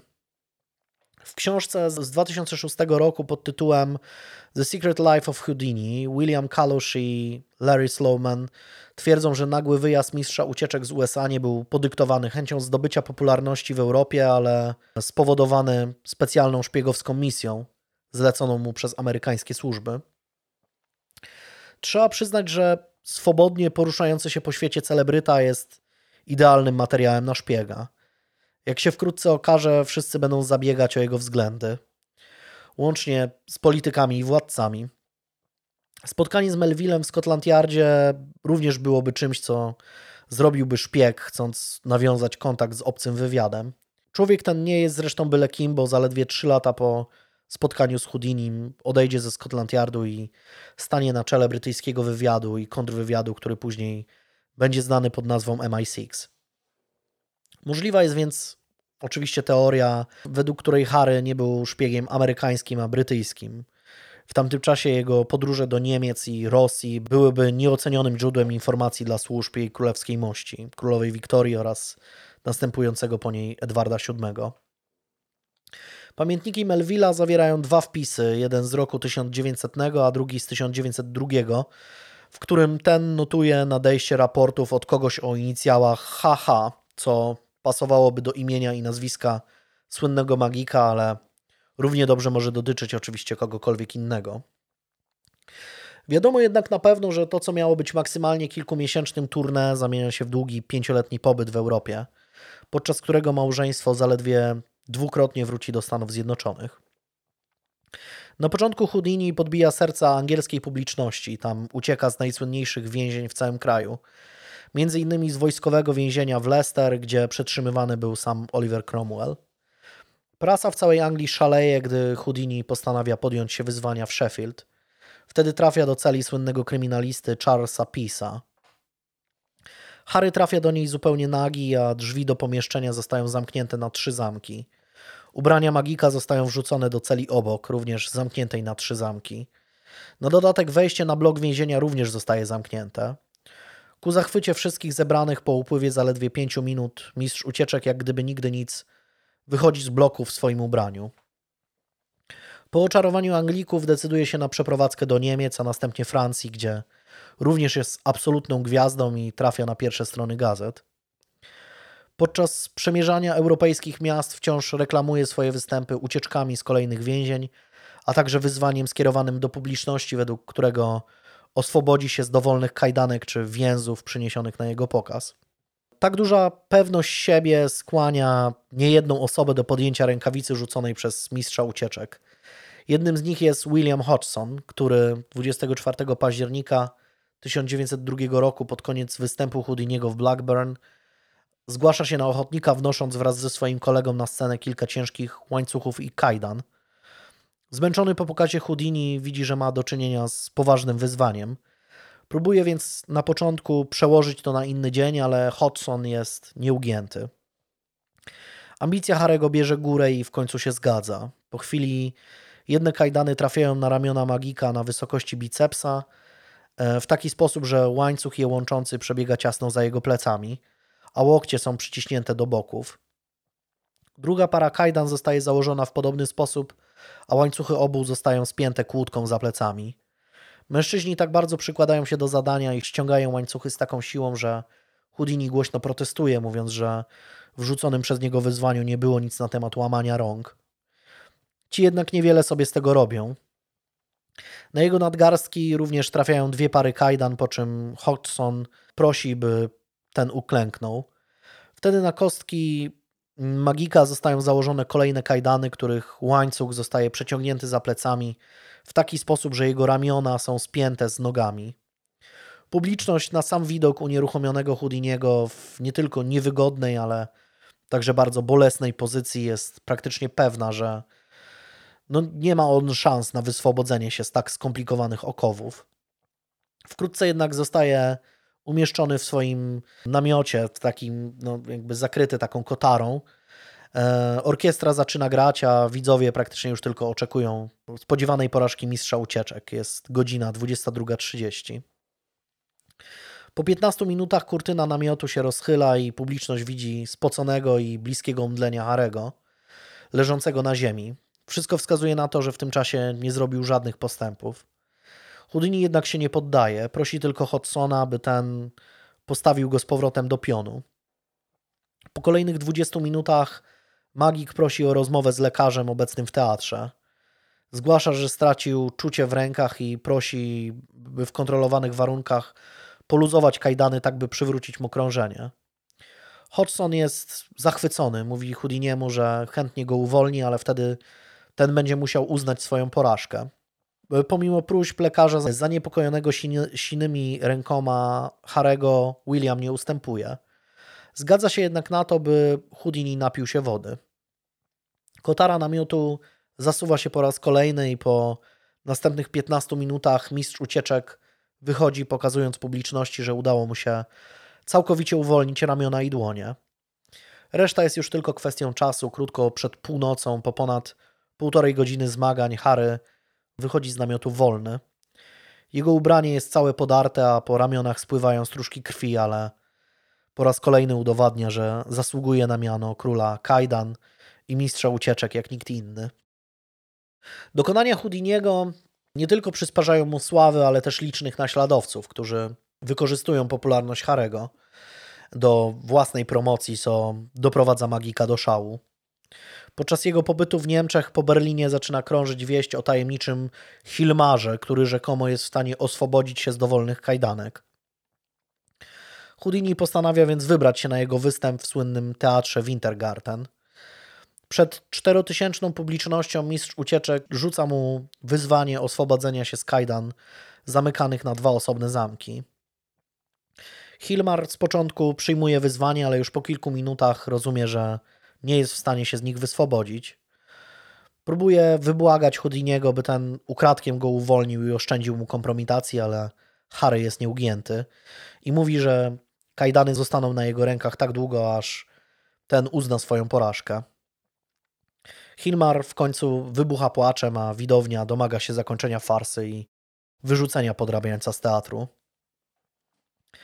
Jednak jedną z najsłynniejszych historii na temat Houdiniego jest ta spopularyzowana przez słynnego reżysera Orsona Wellesa i dotyczy wizyty magika na Kremlu w roku 1903. Tego dnia zostaje on zaproszony na prywatny występ dla carskiego dworu, rodziny Romanowów oraz słynnego Rasputina. Houdini prosi zebraną widownię, by zapisała na karteczkach swoje życzenia dotyczące rzeczy niemożliwych, które miałby wykonać magik. Harry zobowiązuje się do wylosowania jednej z karteczek i zrealizowania życzenia. Sięga po jedną z nich i czyta na głos: Niech zabiją dzwony Kremla. Może pozornie nie brzmi to zbyt spektakularnie, ale w tamtym czasie było to zadanie zupełnie niemożliwe. Kremlowskie dzwony nie biły od ponad 100 lat ze względu na fakt, że schody prowadzące na dzwonnice zawaliły się i dostęp do nich od tamtego czasu był praktycznie niemożliwy. Houdini jednak okazuje się niewzruszony, podchodzi do okna i otwiera je, po czym podnosi rękę. Ku euforii zebranych milczące od stulecia dzwony zaczynają bić na rozkaz magika.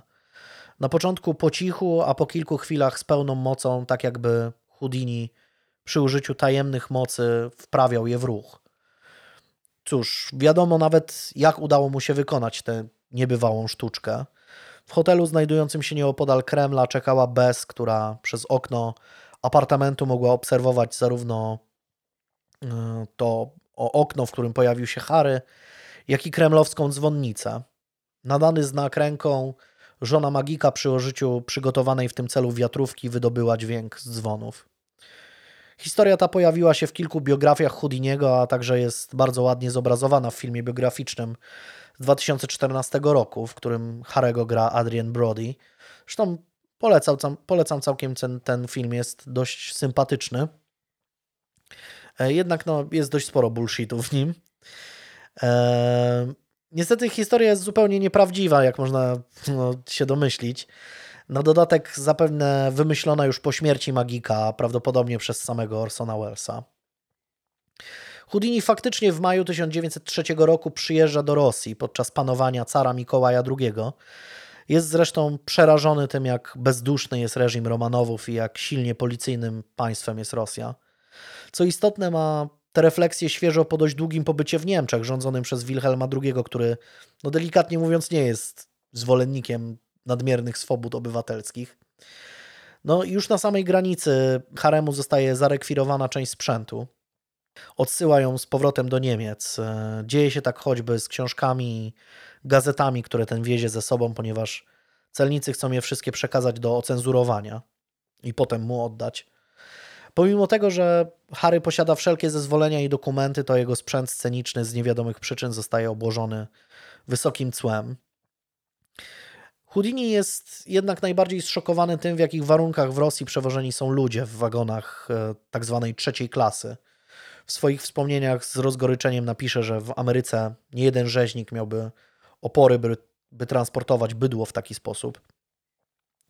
Tak czy inaczej, z przekonaniem bliskim pewności można powiedzieć, że Harry nigdy nie dał prywatnego występu dla rodziny carskiej.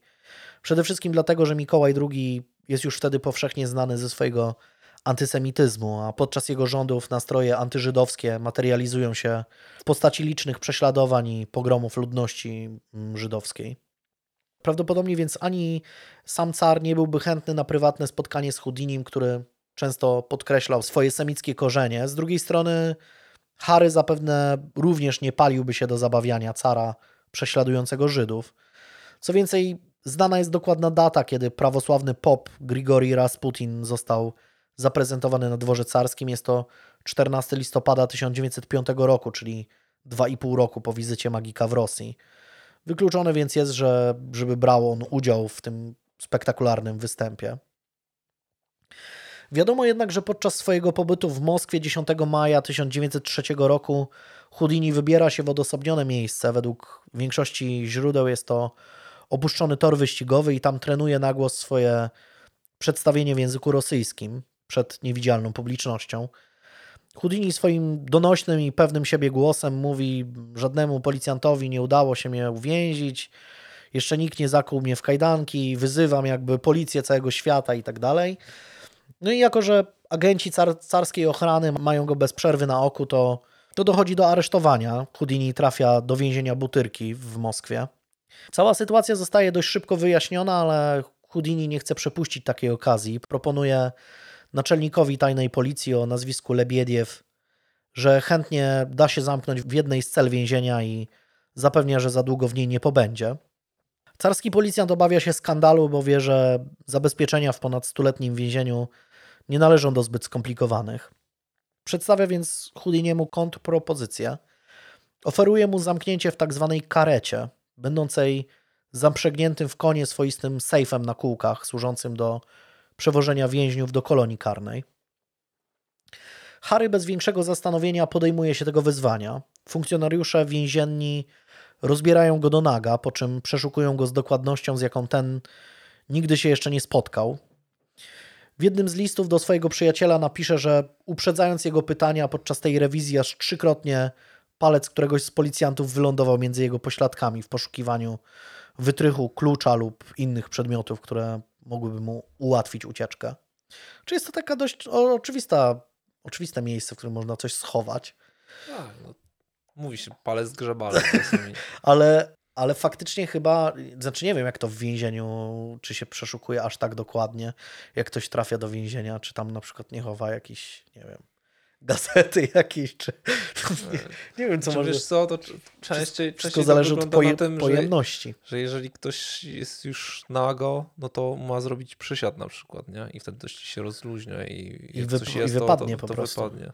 Jeśli trzymasz tam, nie wiem, no co jest zakazane w więzieniu? Komórki na przykład chyba nie można mieć. Nie można mieć komórki. No Komórki, nie można no. mieć na przykład kara, kałasznikowa na przykład. nie? No Że- broni, tak, no. No tak. Wielu no. rzeczy nie można być, mieć w więzieniu.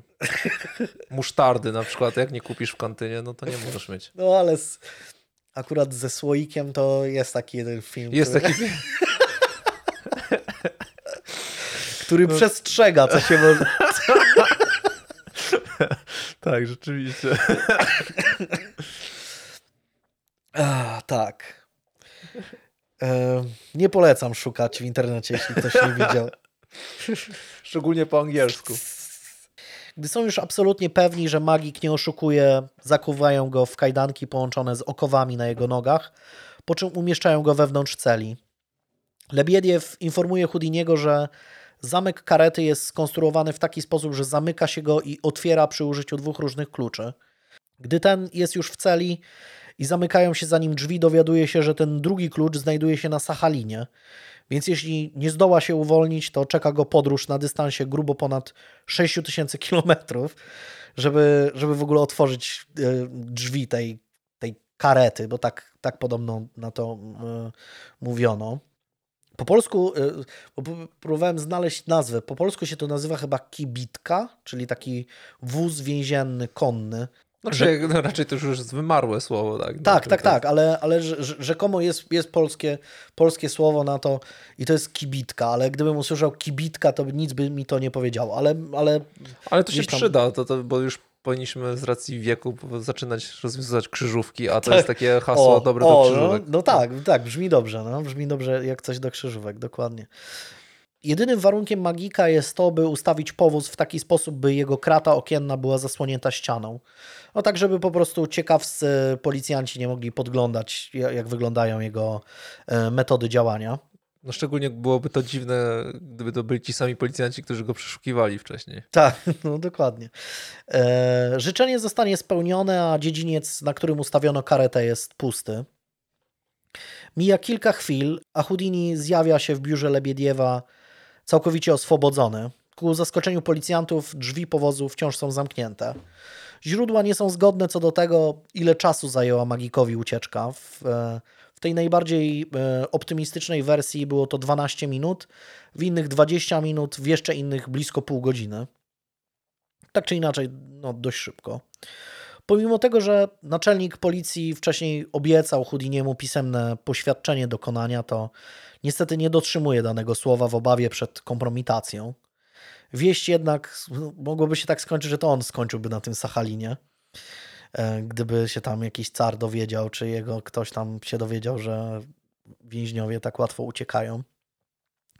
Wieść jednak z szybkością błyskawicy rozchodzi się po Moskwie, co skutkuje przedłużeniem pobytu Harego w Rosji aż do października. Wtedy wyjeżdża z kraju cara z silnym postanowieniem, by już nigdy do niego nie wrócić. Postanowienie to zresztą zostanie dotrzymane, co podczas występów w Europie nie przeszkadza mu się chwalić tą spektakularną ucieczką.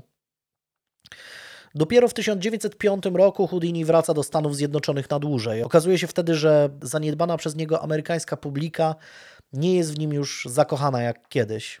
Do tamtejszej prasy przez ostatnie lata dochodziły informacje o jego sukcesach w Europie, ale nie robiło to na mieszkańcach Nowego Jorku, San Francisco czy Chicago większego wrażenia. Jakby tego było mało, przez pięć lat jego nieobecności wielu iluzjonistów zapełniło niszę po nim, kopiując niejednokrotnie jego występy nieomal jeden do jednego. Houdini rozumie więc, że musi dokonać nowego otwarcia, wejść na kolejny poziom i znów udowodnić swoją wielkość. Chce dostarczyć widowni nowych, niepowtarzalnych bodźców. Jego poprzednie występy w wypadku niepowodzenia czy pomyłki mogły się skończyć w najgorszym wypadku wygwizdaniem przez publiczność. A co jeśli dać widzom świadomość tego, że ewentualne niepowodzenie magika zakończy się jego śmiercią na ich oczach? Harry rozpoczyna przygotowania w domowym zaciszu. Codziennie, zaraz po wstaniu z łóżka, napełnia wannę zimną wodą i przyzwyczaja swoje ciało do niskich temperatur.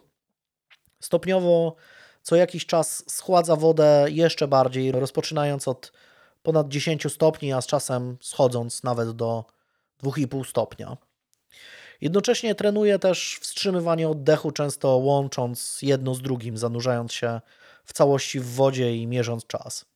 Wkrótce jest gotowy zaprezentować światu swój najnowszy pomysł. We wtorek 27 listopada 1906 roku Harry Houdini zjawia się na moście Belle Isle w Detroit.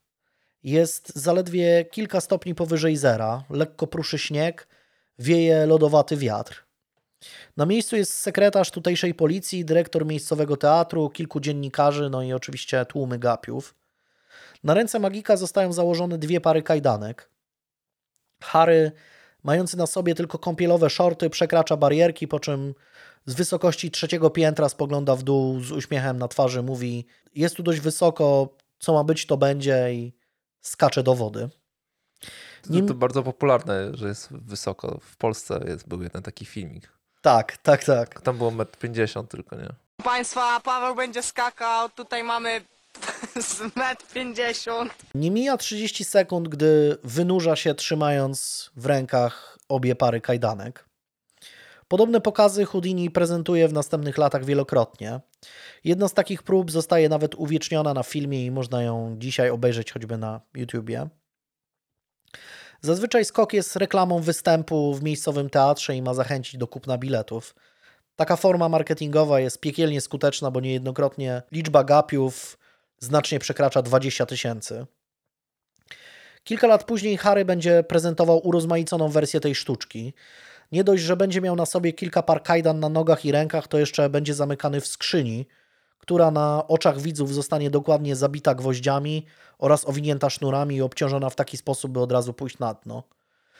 Tak przygotowany pakunek będzie zrzucany do wody ze statków i mostów. Jeden element oczywiście pozostanie jednak niezmienny. Po upływie kilkudziesięciu sekund Houdini wypłynie na powierzchnię.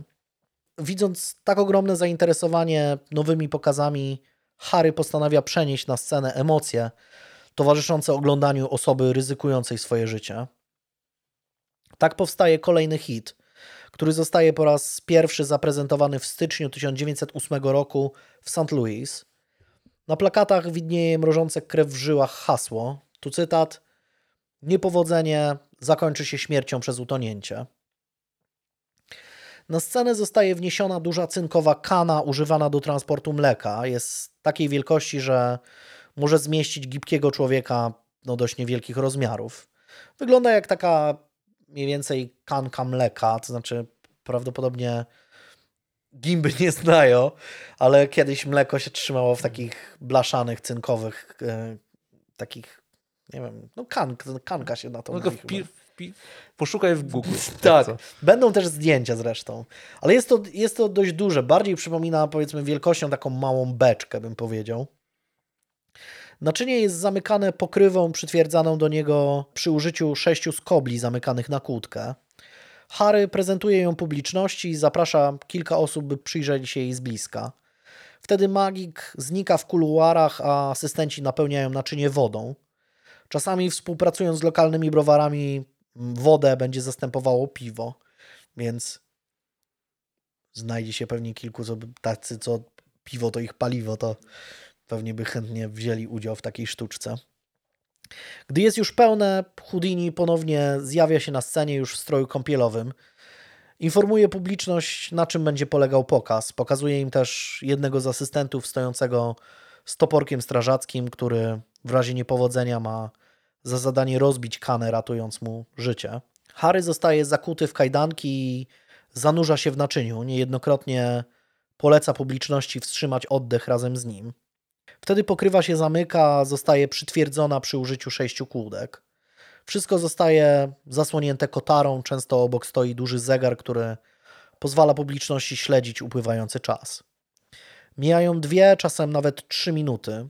Na widowni nie ma już nikogo, kto byłby w stanie tak długo wstrzymać oddech.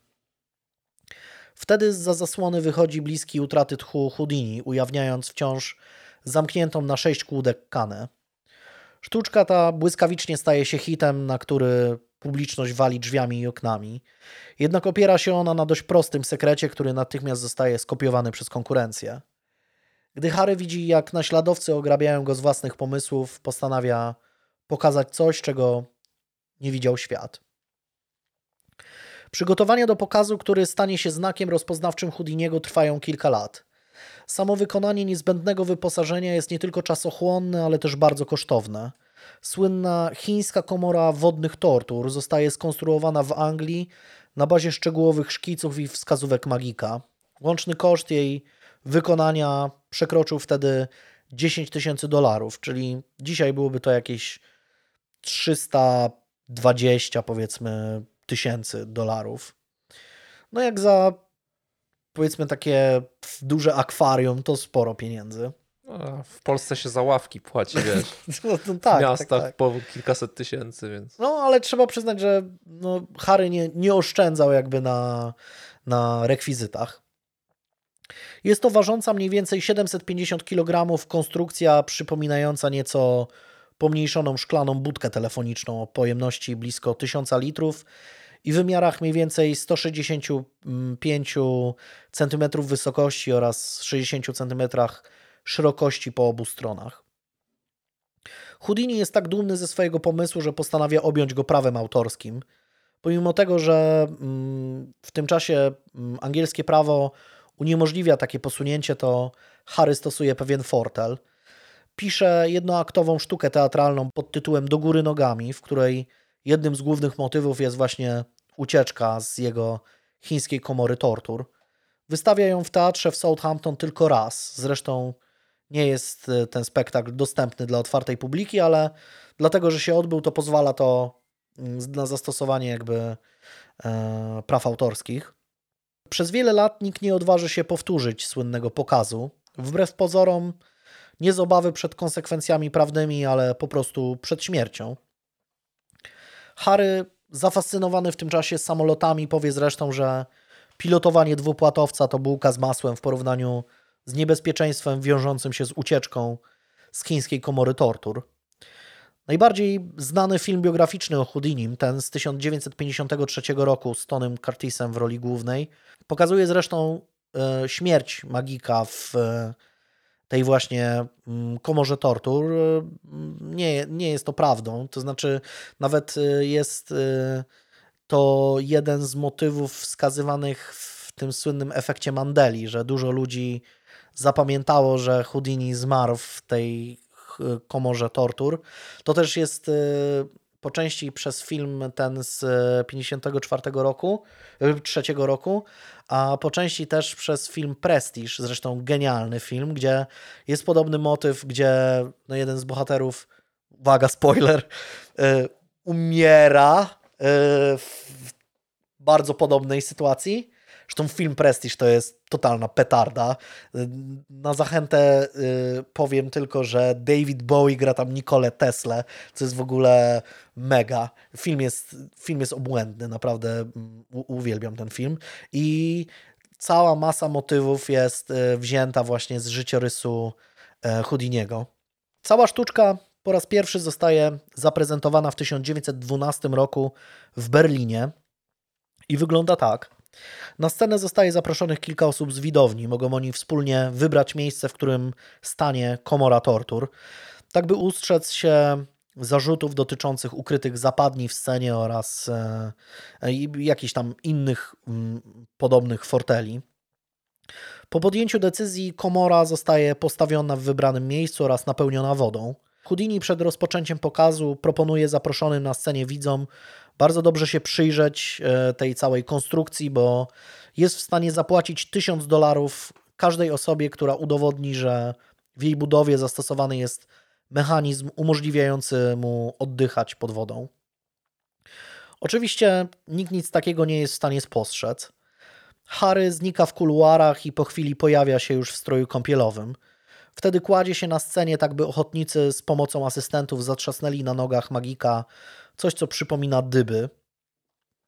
Po ich zamknięciu Houdini zostaje podniesiony do góry nogami w taki sposób, by mógł zanurzyć się w komorze tortur głową w dół. E, Dyby unieruchamiające jego nogi stanowią jednocześnie pokrywę komory, która szczelnie ją zamyka. By magik nie był w stanie jej wypchnąć, zostaje ona dodatkowo zabezpieczona jedną lub kilkoma kłódkami. Wtedy komora zostaje zakryta kotarą, a orkiestra przekornie zaczyna grać piosenkę A Sleep in the Deep, upamiętniającą tych, co zginęli na morzu. Sztuczka, co prawda, no nie jest tak szybka, tak dynamiczna jak słynne 3-sekundowe metamorfozis, ale i tak robi wielkie wrażenie na widowni. Czasami mijają dwie minuty, czasami jedna, a niejednokrotnie zaledwie 30 sekund, gdy zasłona się rozsuwa, ukazując uwolnionego Houdiniego stojącego obok komory z nienaruszonymi zabezpieczeniami. Po kolejnych pokazach prasa dosłownie szaleje, rozpisując się na temat nowego numeru Wielkiego Magika i niekończących się ogłuszających owacjach, które za każdym razem zwieńczają sztuczkę. Ucieczka z komory tortur wszystkim wydaje się całkowicie niemożliwa do wykonania dla osoby niedysponującej zdolnościami paranormalnymi. Słynny spirytysta czy spirytualista Hewitt Mackenzie, będący na widowni jednego z pokazu Houdiniego, powie, że w czasie, gdy ten wykonywał sztuczkę, mm, ten spirytysta poczuł wielki odpływ fizycznej energii i podejrzewa, że magik po prostu dysponuje mocą dematerializacji. A można sobie jedynie wyobrazić, jak Harry pękał ze śmiechu, czytając takie bzdury. Mackenziemu i jemu podobnym wkrótce mm, Houdini wypowie prawdziwą wojnę. Rok 1913 jest mm, istotnym punktem zwrotnym w karierze Houdiniego. Tak kwitnie jak nigdy, gdy 6 lipca wchodzi na pokład parowca płynącego do Europy. Mniej więcej tydzień później wraz z Bess dopływają do portu w Hamburgu, z którego jadą pociągiem na północ do Kopenhagi. Harry ma tam zakontraktowaną serię występów, a później ma dać prywatny pokaz dla samego króla Szwecji w Sztokholmie. Gdy małżonkowie zatrzymują się w hotelu, nadchodzi telegram od brata Harego, że ich matka miała wylew. I jeśli chce ją zobaczyć żywą, to musi natychmiast wracać do USA. W życiu Houdiniego liczą się tylko dwie kobiety, które kocha nad życie. Jest to jego żona Bess oraz matka Cecilia. Zachowało się nawet zdjęcie, na którym Harry pozuje, przytulając obie kobiety. Fotografia jest podpisana ręcznie Moje dwie ukochane. Gdy magik odczytuje telegram informujący go o dramatycznym wydarzeniu, traci przytomność.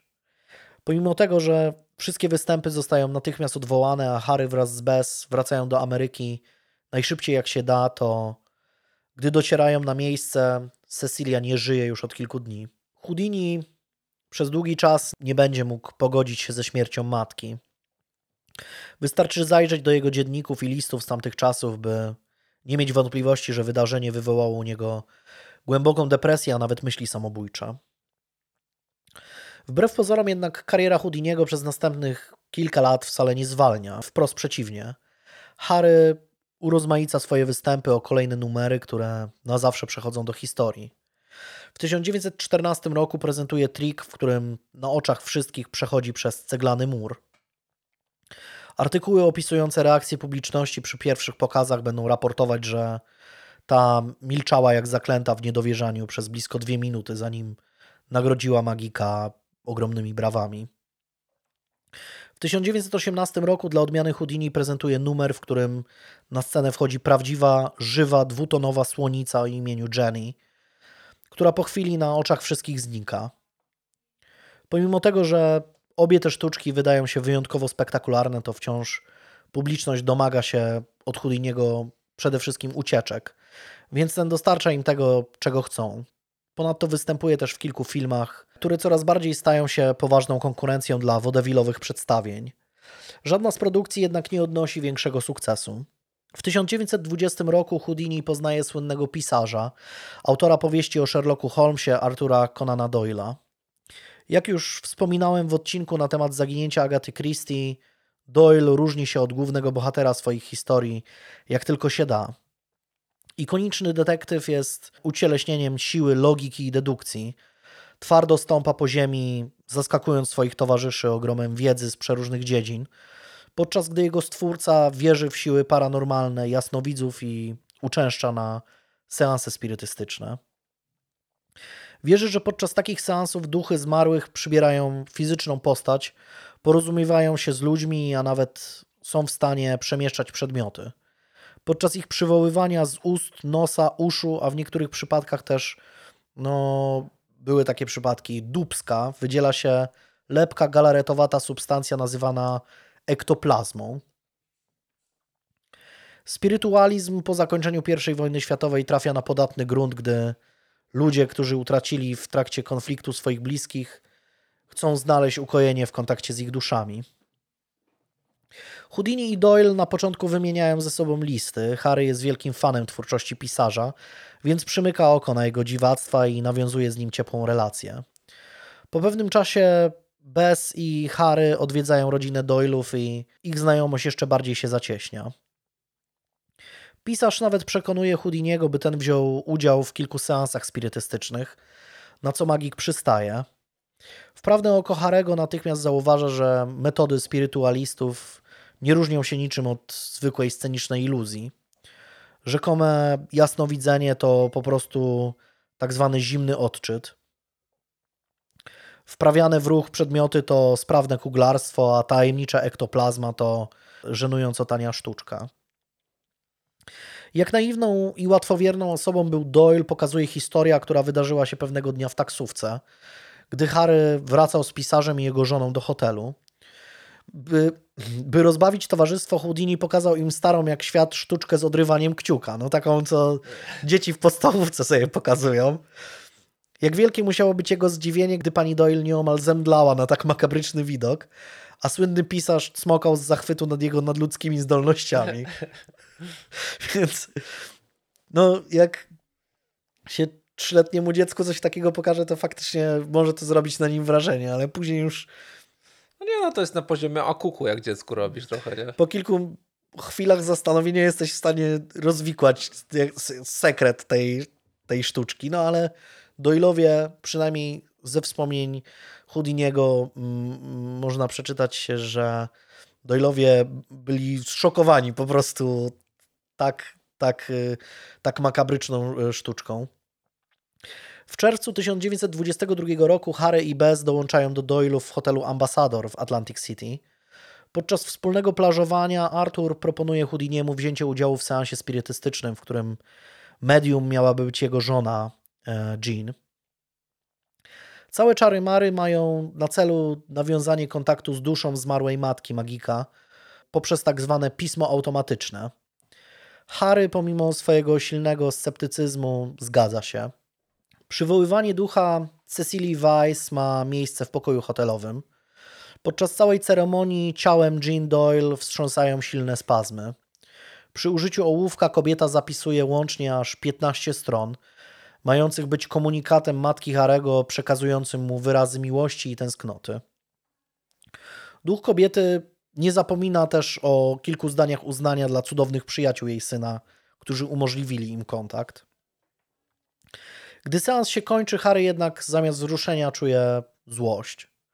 Od razu zauważa oczywiste nieścisłości. Domniemany duch jego matki na samym początku narysował na kartce duży znak krzyża. Komu jak komu, ale praktykującej Żydówce i żonie rabina raczej nie przyszłoby do głowy chrześcijańskie pozdrowienie czy posługiwanie się chrześcijańską symboliką. Poza tym całość tekstu, będącego rzekomo słowami jego matki, spisana jest perfekcyjną na dodatek brytyjską angielszczyzną. Dla Cecily Weiss nie tylko obca była brytyjska wersja angielszczyzny, ale język angielski w ogóle.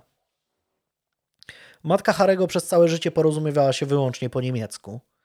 Ponadto Harry w swoich dziennikach opisuje, że pomijając wszystko inne, słowa spisane przez Jean najzwyczajniej w świecie nie brzmiały jak mm, pochodzące od jego rodzicielki.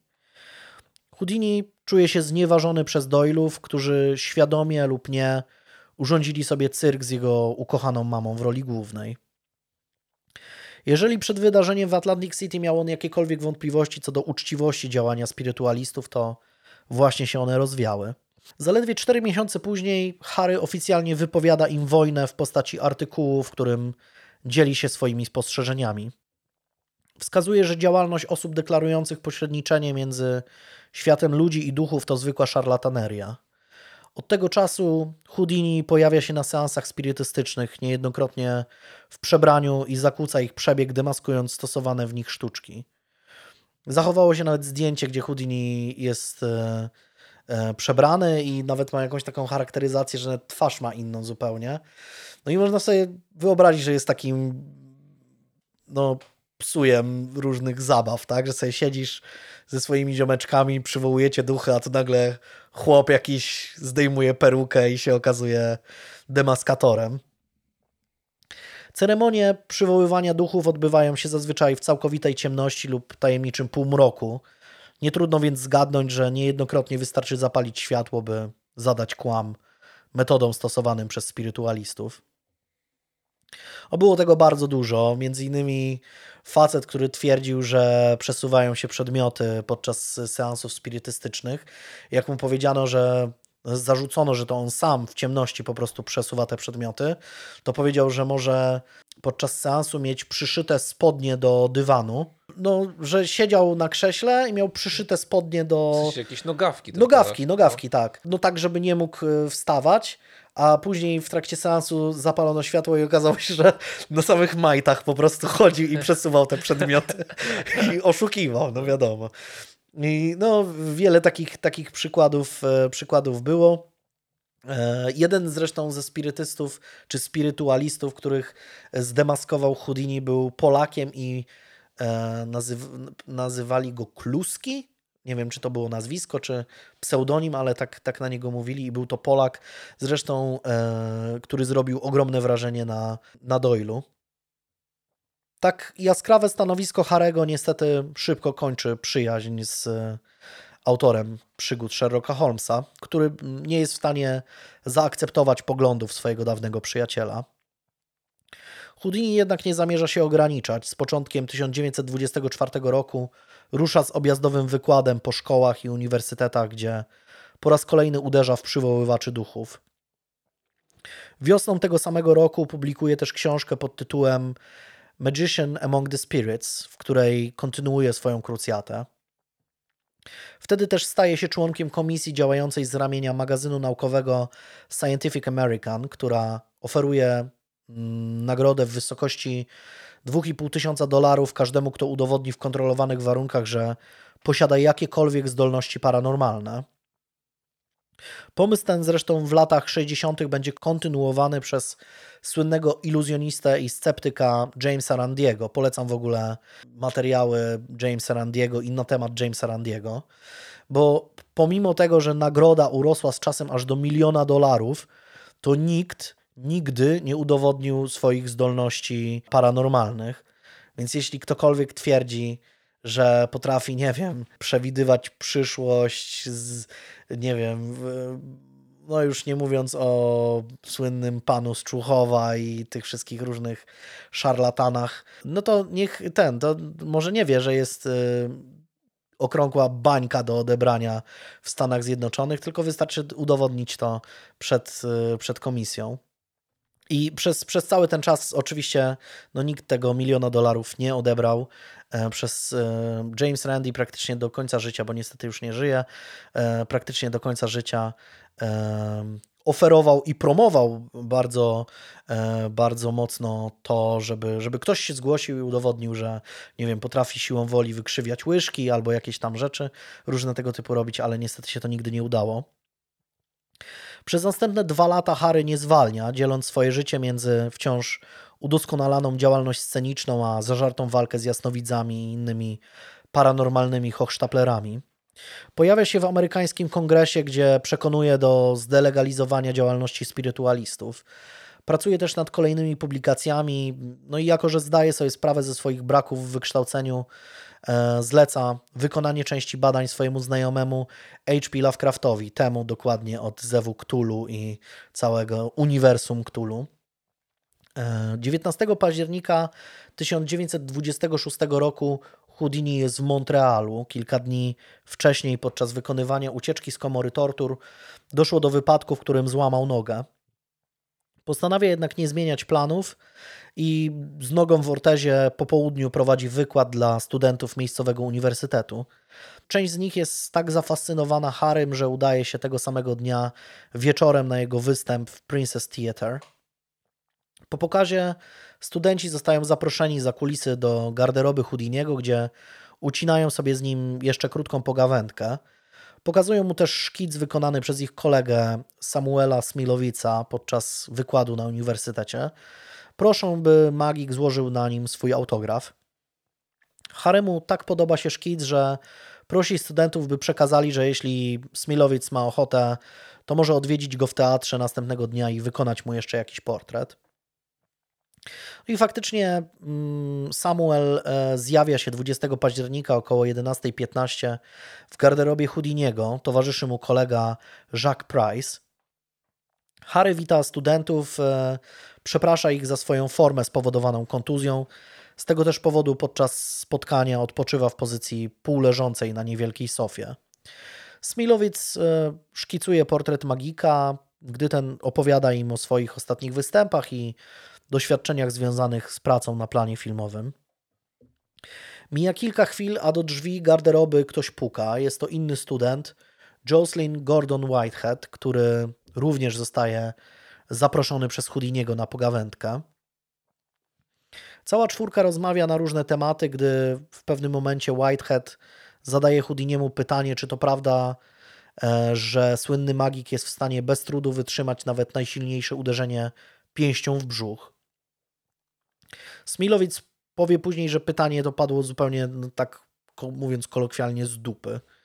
Nie wiadomo skąd przyszło ono do głowy chłopakowi. Houdini na początku ignoruje mm, te, te pytania, ale, e, ale Whitehead e, się nie poddaje. W końcu rzuca Haremu wyzwanie, że uderzy go kilka razy w brzuch, by sprawdzić siłę jego mięśni. Harry najprawdopodobniej chce, by chłopak w końcu się odczepił, więc się zgadza. No i Whitehead nie zamierza czekać. Szybkim ruchem nachyla się nad leżącym magikiem i z całej siły kilkukrotnie bije go pięściami po brzuchu. Houdini nie ma czasu nawet napiąć mięśni, wstać, jakkolwiek się przygotować. Po otrzymaniu pięciu, sześciu ciosów magik poddaje się. Jako, że po incydencie atmosfera jest no, no nie najlepsza, bo no, Houdini został pobity po prostu przez, przez gościa, jakiegoś randoma. Trójka studentów dość szybko ulatnia się z garderoby. Następnego dnia z okazji ostatniego występu w Montrealu odbywa się niewielkie przyjęcie, podczas którego Harry źle się czuje, a gdy impreza się kończy, jest tak obolały, że nie jest w stanie się samodzielnie ubrać. Gdy jeszcze tego samego wieczora wraz z Bess jadą pociągiem do Detroit, Houdini ma tak silne bóle brzucha, że żona magika decyduje się nadać telegram, by już na stacji czekał na nich lekarz. Gdy medyk bada Harego, ten ma 39 stopni gorączki i objawy zapalenia wyrostka robaczkowego.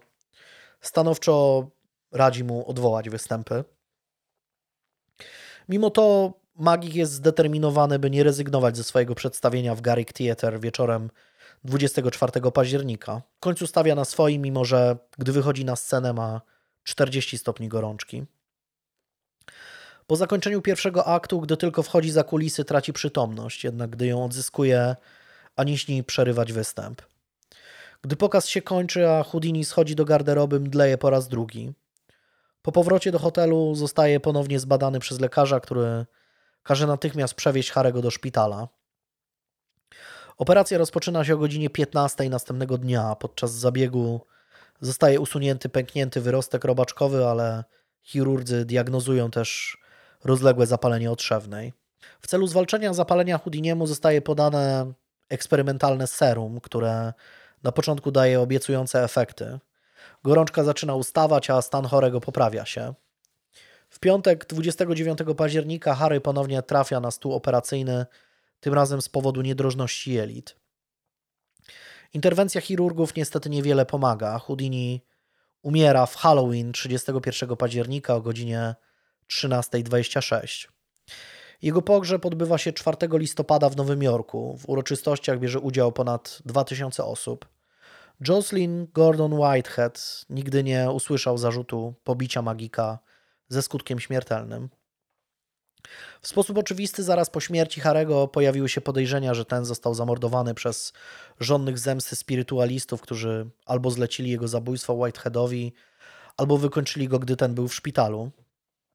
Jeszcze inni twierdzą, że inni iluzjoniści, inni magicy e, zemścili się za to, że Harry ujawniał sekrety jakby tej scenicznej magii. Co prawda nigdy nie wykonano autopsji, więc nie można ani potwierdzić, ani zaprzeczyć. Jednak wszystko wskazuje na to, że Harry zmarł w wyniku nieszczęśliwego zbiegu okoliczności. Prawdopodobnie jeszcze przed pobiciem przez Whiteheada odczuwał pierwsze objawy zapalenia wyrostka robaczkowego, które po prostu zbagatelizował. Atak, którego dokonał student, znacznie pogorszył sytuację, prawdopodobnie doprowadzając do pęknięcia wyrostka, co następnie spowodowało zapalenie otrzewne i dalsze komplikacje. Finalnie bezpośrednią przyczyną zgonu zapewne była sepsa. Krótko przed śmiercią Houdini obiecał Bess, że jeśli istnieje życie po śmierci, to zrobi wszystko, by się z nią skontaktować. Uzgodnili nawet tajne hasło, które ten przekaże swojej żonie. Brzmiało ono Rosabel, uwierz. Po śmierci Harego co roku w Halloween Bess będzie brała udział w seansach spirytystycznych. W roku 1936, 10 lat po śmierci Magika, na dachu szpitala Knickerbroker odbywa się ostatni seans z udziałem Bess Houdini. Biografowie i fani mistrza ucieczek do dzisiaj kontynuują tradycję przywoływania jego ducha. Ten jednak uparcie się nie objawia i nie daje żadnego znaku. I to koniec e, historii słynnego, e, słynnego Houdiniego. E, jego, jego dokonania są naprawdę, naprawdę niesamowite. Myślę, że wbrew pozorom, zwłaszcza te, które, które są związane z, ze zwalczaniem działalności spirytualistów, którzy, no, którzy wykorzystywali ludzi cierpiących po, po stracie swoich bliskich, naprawdę warto też, też poczytać o, o działalności Jamesa Randiego, który, który mm, no, sam też uznawał się za takiego spadkobiercę trochę e, Houdiniego. Jeśli ktoś chce więcej poczytać na temat życia e, Harego Houdiniego, to polecam zwłaszcza, zwłaszcza biografię mm, autora o nazwisku Silverman. E, Jest to taka, no, taka gruba księga, e, która, która naprawdę opowiada o szczegółach. A jeśli ktoś jest zwolennikiem teorii o, e, o tym, że Houdini był szpiegiem, to jest książka The Secret Life of Houdini Williama Kalusza i Larego Slowmana. To, to warto. A jeśli chodzi o filmy, to ten z Adrianem Brodym jest całkiem sympatyczny, chociaż jest trochę dziwnych rzeczy w nim. W Ale ogóle jak coś się określa mianem sympatyczny, to... To znaczy, to nie jest wybitne kino, ale myślę, że całkiem fajnie jest, e, jest pokazane sporo wydarzeń z, z życia Houdiniego.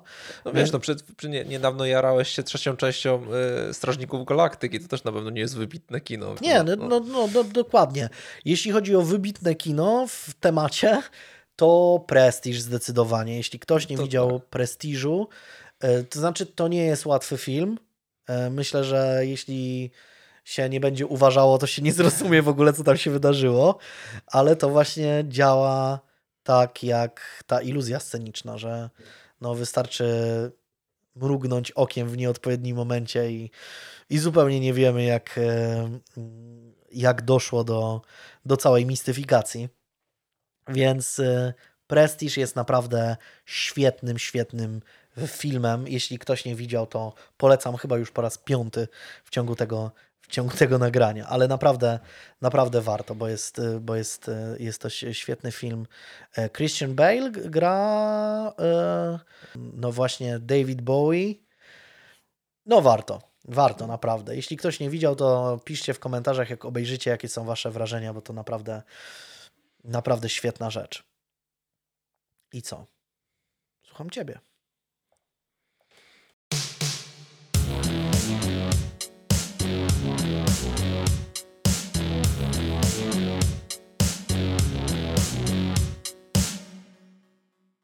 Hej, hej, hej. Zanim posłuchamy mrożącej krew w żyłach historii Kamila, to chcę tylko przypomnieć, że możesz dołączyć do grona naszych patronek i patronów. Wystarczy, że wejdziesz na patronite.pl ukośnik no nie gadaj i tam wybierzesz próg wsparcia. Dzięki temu możemy dalej się rozwijać, możemy działać z jeszcze większym rozmachem.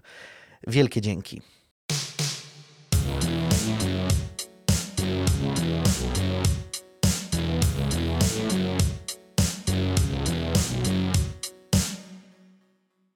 Bliscy przyjaciele i krewni Joyce i doktora Jamesa Clint'a nie byli zaskoczeni konfliktem w ich małżeństwie. Y, Patrzyli na to i robiło im się, jak to mówi Blanka, coraz przykrej, kiedy uważano ich początkowo za idealną parę jak z filmu, a później okazało się, że, no, że są tam problemy. Y, Jim Clean był absolutnym szefem w szkole, takim typem najbardziej popularnego dzieciaka o czym może świadczyć fakt, iż w czasie uroczystości ukończenia szkoły na wiosnę 1966 roku wybrano go królem Lamer. Zgodnie z rodzinną tradycją medyczną wstąpił do Logan College of Chiropractics w St. Louis, Missouri. Jest to szkoła ucząca leczenia uciskaniem na wyrostki kręgowe. No większość osób wie, kto to jest chiropraktyk. Jest to bardzo e, ciekawe pod kątem ASMR-u. Często można obejrzeć filmiki w internecie, jak chiropraktycy e, A tak, faktycznie. Wiesz, wiesz, wiesz co to jest? Je- jest, tak, je- tak. Jest, jest jakaś taka wewnętrzna przyjemność, gdy słyszysz ten trzask na przykład jakiś tam, y, znaczy nie, nie trzask kości, tak? bo to jest jakby te wyrostki kręgowe. Tak? No jakby, Mhm. no, jakby naciskasz te wyrostki kręgowe, że to się wszystko jakby ustawiło w swoich miejscach. W ogóle tak? te, te kanały na YouTube z chiropraktykami, one w ogóle kręcą jakieś No. niewyobrażalne No bo to jest jakiś- no. oglądalności. Jakby oficjalnie tak się mówi chiropraktyk na to, ale y, kiedyś w Polsce się używało y, określenia kręgarz chyba, nie? To po, podobne jakby. Tak, tak, tak, y, no. Znaczy, wydaje mi się, że, że opiera to się na tym samym, więc jeżeli ktoś nie wie, kto to jest chiropraktyk, to, to, to może kręgarz coś mu powie. Tam poznał Joyce Monohan, rudawą blondynkę, która była miejscową królową piękności. Tak, że stali się jedną z najprzystojniejszych par na kampusie. Od tak jak powiedzmy zaczyna się każdy młodzieżowy serial czy jakiś film ze Stanów. Pobierali, pobrali się zanim Clint skończył college, a po dyplomie przenieśli się do Davenport, gdzie czekała na niego praktyka. Od samego początku doktorowi Clintowi wszystko wychodziło. Miał dom wart ponad 100 tysięcy dolarów w modnej dzielnicy, srebrnego Cadillaca, a Joyce błękitnego Mercedesa. James szastał hajsem, który ładnie spływał na jego konto, rzucając się m.in. na zabawki dla typowo bogatych ludzi, jak m.in. luksusowy hangar na łodzie, a w nim m.in. trzy kosztowne jachty. Sponsorował ponadto kobiecą ligę krykieta, w której grała Joyce. A Joyce postępowała stosownie do tej stereotypowej sytuacji żony bogatego człowieka i poświęcała wiele czasu pracy dobroczynnej. Jednakże z biegiem lat w tym idealnym małżeństwie nie wszystko układało się tak dobrze, jak wskazywały powierzchowne obserwacje. Przyjaciele wiedzieli, że dr Clint miał krótkotrwałe, nazwijmy to tak delikatne ciągotki erotyczne wobec innych pań. No proszę. Gdy doszło do ustabilizowania tych zainteresowań na jednej kobiecie, znacznie młodszej od Joyce, przyjaciele od razu przewidywali kłopoty. Joyce zwierzała się przyjaciółkom, że wie o wszystkim, ale uzbroiła się w cierpliwość. Daję mu na razie swobodę, zwierzyła się jednej z przyjaciółek. Gdy jednak będę gotowa, będę, będzie miał szczęście, jeśli pozostawię go z jedną koszulą na zmianę. Joyce przyznała się, że nie tylko wie o eskapadach miłosnych męża, ale były też inne sprawy, które w odpowiednim czasie zapewnią jej wszystko, czego zażąda w ustaleniach finansowych rozwodu.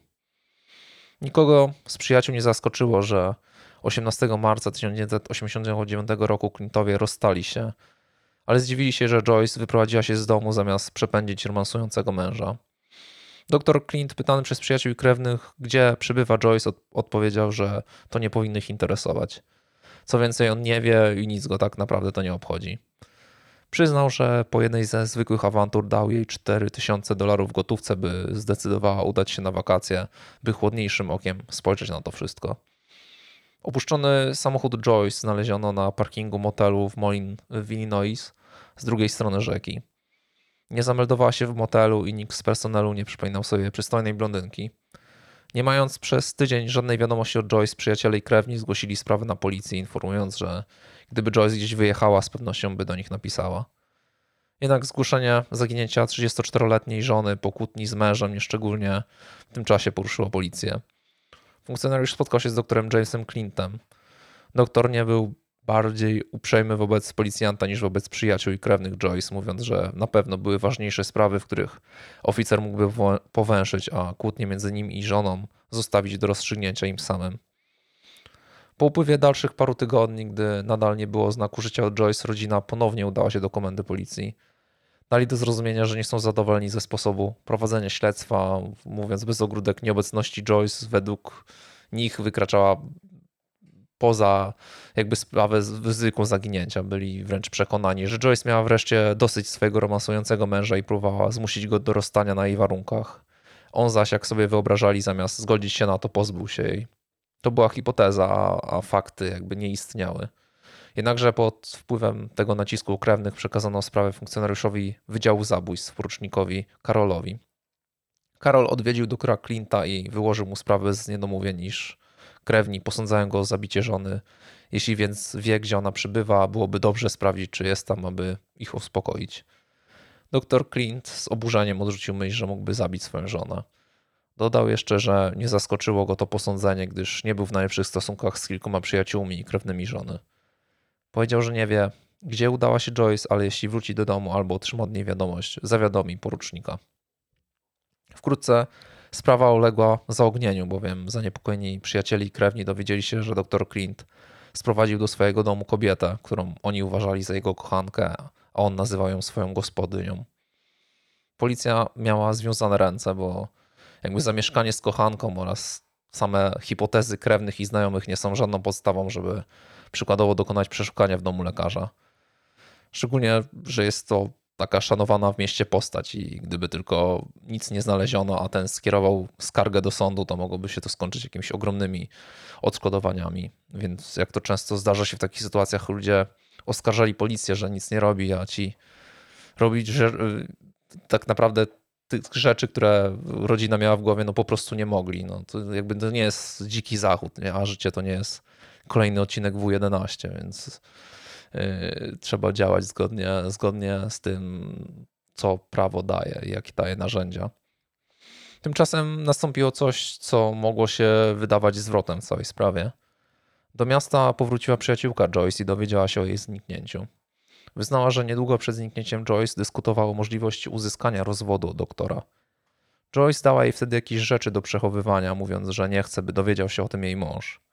Te rzeczy to była nagrana kaseta dźwiękowa, pamiętnik i kilka fotografii. Taśma, jak się okazało, była sekretnym zapisem jednej z szalonych kłótni Joyce i doktora Clint'a. Kłótnia rozpoczęła się od zarzutów żony, że doktor ją zdradzał. Gdy dyskutowali nad podziałem majątku i wartością domu, mebli i innych rzeczy, Joyce nagle zawołała: Rzuć mi to w twarz. I na tym nie poprzestanę, szydził Clint. Joyce odpowiedziała coś przytłumionym głosem, a doktor zawołał: Nic, a nic mi nie zależy na tobie. Nie chcę cię tu widzieć. Nienawidzę cię. Nienawidzę cię od góry do dołu. Jesteś końskim łajnem. Teraz Joyce, y, głos Joyce był znowu stłumiony. Zdawało się, że mąż przycisnął jej głowę do poduszki, ona oskarżyła go o próbę uduszenia jej. Tak, próbowałem cię zabić, odpowiedział. Padło jeszcze więcej słomnych słów, y, gdyż głowa Joyce musiała być podtrzymywana poduszką. Wreszcie usłyszeli Clint'a grożącego Joyce, że zabije ją i pociętą na drobne kawałki wrzuci do toalety. Pamiętniki i fotografie były jeszcze bardziej przekonujące. W pamiętniku Joyce zanotowała, że ma dowody, iż dochody jej męża nie pochodzą z kliniki i praktyki lekarskiej. Stwierdziła, że handluje narkotykami, które przechowuje w hangarze. Groziła, że jeżeli dr Clint będzie robił jej trudności w sprawie rozwodu, to przekaże informację policji i wsadzi go do więzienia. Fotografie pokazywały w budynku, gdzie stały łodzie, różne sekretne skrytki, w których pod zamkiem znajdowały się śmiercionośne leki i marihuana.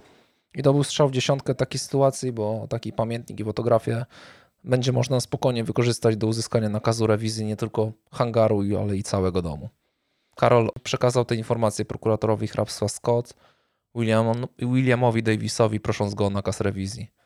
Ten zaproponował, aby jednak poczekać. Doradził obserwację doktora Clint'a, jak handluje narkotykami, co spowoduje cięższą karę niż samo ich posiadanie. W tym momencie jednak funkcjonariusz y, przekonał go, że narkotyki to może być tak naprawdę małe piwko przy tym ewentualnym zabójstwie żony, więc chciałby jak najszybciej zebrać techników z laboratorium i przeprowadzić dokładne przeszukanie budynku. Davis zgodził się przygotować nakaz i zatwierdzić go w sądzie. W tym czasie kilku rybaków wyciągnęło pewno, pewne znalezisko z Mississippi w górę rzeki od Davenport w Iowa. Był to płat mięsa, jaki rzeźnik mógłby uciąć z tylnej części małego cielaka. Otworzyli szeroko oczy, gdy okazało się, że to przednia część ciała kobiety od pasa w dół wraz z fragmentem pośladka. W następnych tygodniach policyjni płetwonurkowie i funkcjonariusze na łódkach uzbrojeni w bosaki przeczesywali dno rzeki i brzeg. Nic więcej jednak nie znaleźli, ani głowy, ani rąk i ramion, ani stóp i nóg. Nie było też górnej części ciała. Kilkunastu patologów starannie zbadało wyłowioną część tułowej i zgodnie uznali, że ten fragment należał do białej kobiety wieku około 30 lat, a na podstawie koloru owłosienia monowego doszli do wniosku, że była jasnoruda. Uważali, że ta część zwłok musiała pozostawać w wodzie około miesiąca, utknąwszy na dnie rzeki aż do czasu, gdy wyłowili ją rybacy. Ponieważ usunięto jelita, nie powstały gazy, które wyniosłyby ciało na powierzchnię. Resztę ciała mogły zjeść żywiące się padliną ryby, albo też popłynęło w dół Mississippi docierając nawet do, do Nowego Orleanu. Policjanci nie mogli na podstawie kawałka zwłok i skóry ustalić tożsamości ofiary, ani ryzykować sugestii o sposobie jej zamordowania. Doszli jednak do wniosku, że kimkolwiek był ten, kto ją poćwiartował, znał anatomię człowieka i użył zębatej piły elektrycznej. Wielu ludzi z Davenport, a z czasem i policjanci uważali, że domyślają się, kim mogła być denatka, ale między bardzo prawdopodobnym domysłem a dowodem jest spora luka, szczególnie gdy trzeba to udowodnić w sądzie. No i można łatwo się spodziewać, co, co stało się tym domysłem tak naprawdę. Także w tej, w tej sytuacji Karol pośpieszył z tym nakazem rewizji tego olbrzymiego domu, y, znanego w tym mieście jako zamek, ze względu na strukturę przypominającą wieżę w środku budynku. Mam zdjęcie tego domu, tak? On jest, ten dom jest bardzo specyficzny właśnie z tą wieżą, dlatego yy, warto go na... Rzeczywiście pasuje do niego określenie zamek. Jak, jak go zobaczysz, na pewno będzie, będzie pasował szczególnie yy, szczególnie, że, że jest ten dom cały czas popularny. Mieściła się w niej okrągła klatka schodowa wokół wielkiego kominka. Schody prowadziły do pokoi na piętrze. Detektywi technicy dokładnie po milimetrze sprawdzili dom, jednak wyniki były nędzne. Nie znaleźli żadnych widocznych plam krwi ani w pokojach, ani w suterenie i garażu. Znaleźli jednak piłę elektryczną. Zabrano ją jako ewentualny dowód i przekazano do mikroskopowego badania laboratoryjnego.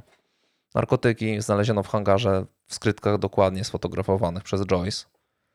Wystąpiono z oskarżeniem przeciw doktorowi o nielegalne posiadanie narkotyków. Doktor zdawał się nie być zaniepokojony po zabraniu go do aresztu. Zdaje się, że krewni Joyce skłonili was do tego, powiedział. Straszyli mnie od jej zniknięcia. Wiem, że uważają, iż ją zabiłem i otwarcie mnie o to oskarżają, ale są stuknięci. Joyce siedzi gdzieś śmiejąc się z rozpuku z powodu kłopotów, jakich mi przysporzyła. I pewnie myśli, że dopóki uważa się za zaginioną, nie będę mógł dostać rozwodu. By uczynić swoje oświadczenie bardziej przekonującym, stwierdził, że Joyce zabrała sekretnej skrytki w domu 24 tysiące dolarów. Ma więc wystarczająco dużo pieniędzy, by pozostawać poza domem jak długo zechce, przyczynając się do makabrycznych kłopotów, które go spotykają. Zamknięty z oskarżenia o posiadanie narkotyków, dr Clint natychmiast zapłacił kaucję i wyszedł na wolność.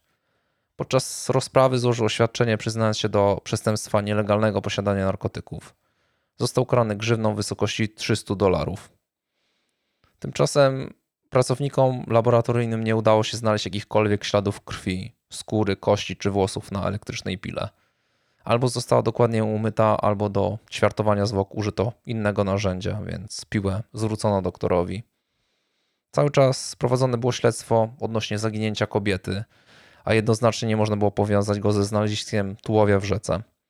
Patolodzy policyjni, którzy zbadali znalezioną część zwłok, nie mogli jednakże z całym przekonaniem stwierdzić, do kogo należy to ciało.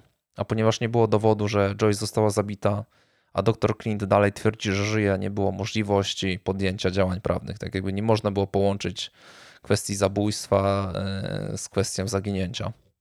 W cztery miesiące po zaginięciu Joyce Clint, funkcjonariusz prowadzący sprawę dowiedział się, że w następnym tygodniu po zniknięciu Joyce dr Clint zakupił za 800 dolarów damską biżuterię. Nie mógł to być więc prezent dla zaginionej żony. Ponadto Karol odszukał również dwóch świadków, którzy z całą pewnością stwierdzili, że widzieli doktora Clinta w jego hydroplanie na rzece następnego dnia po zniknięciu Joyce. Był to zimny, mglisty dzień z mrzawką i świadkowie zapamiętali, że była to wtedy jedyna łódź na rzece.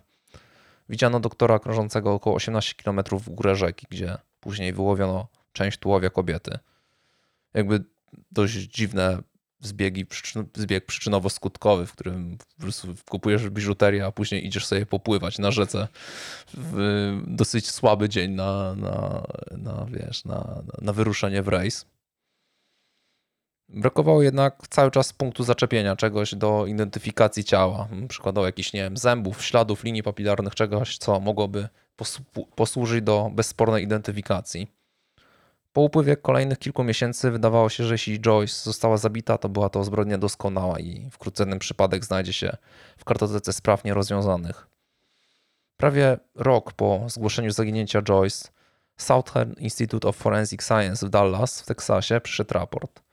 Instytut Badawczy Medycyny Sądowej stwierdził, że na podstawie przesłanych im próbek z tułowia mogą z pewnością do 98,8% uznać, że fragmenty ciała należą do Joyce Clint. Procedury używane w takich badaniach w języku przeznaczonym nie dla specjalistów sprowadzają się do tego, że ustalenie tożsamości zwłok za pomocą wskaźników genetycznych jest bardzo podobne do wyznaczania grupy krwi, tylko bardziej skomplikowane. Z przeprowadzonych badań polegających na porównaniu genów i enzymów krewnych Joyce z próbkami z tułowia wynika, że jest 107,8% bardziej prawdopodobne, że dwaj spokrewnieni osobnicy wytwarzają takie same geny, jak znalezione w danej próbce niż przypadkowa para.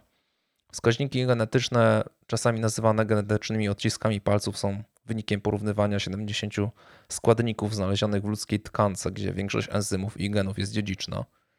Raport stwierdzał, że osiągnięcie tych wyników okazało się możliwe, gdyż rzadko spotykane enzymy, które znaleziono w próbkach tułowia, znaleziono także we krwi krewnych. I to wystarczyło, żeby prokurator odważył się rozpocząć proces. Odwaga w tym tej sprawie jakby nie jest przypadkowym słowem, bo, bo nie to, że będzie musiał udowodnić, że udowodnić to morderstwo na podstawie identyfikacji ofiary z tego fragmentu znalezionego tołowia bez, cały czas będąc bez narzędzia zbrodni w oparciu tylko i wyłącznie o poszlaki.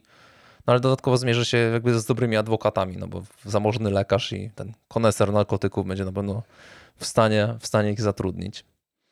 Lawrence Scalis, którego wynajął, uważano za wybitnego obrońcę kryminalnego na południowym zachodzie, bronił w wielu sprawach, w których uzyskał niewinienie swoich klientów.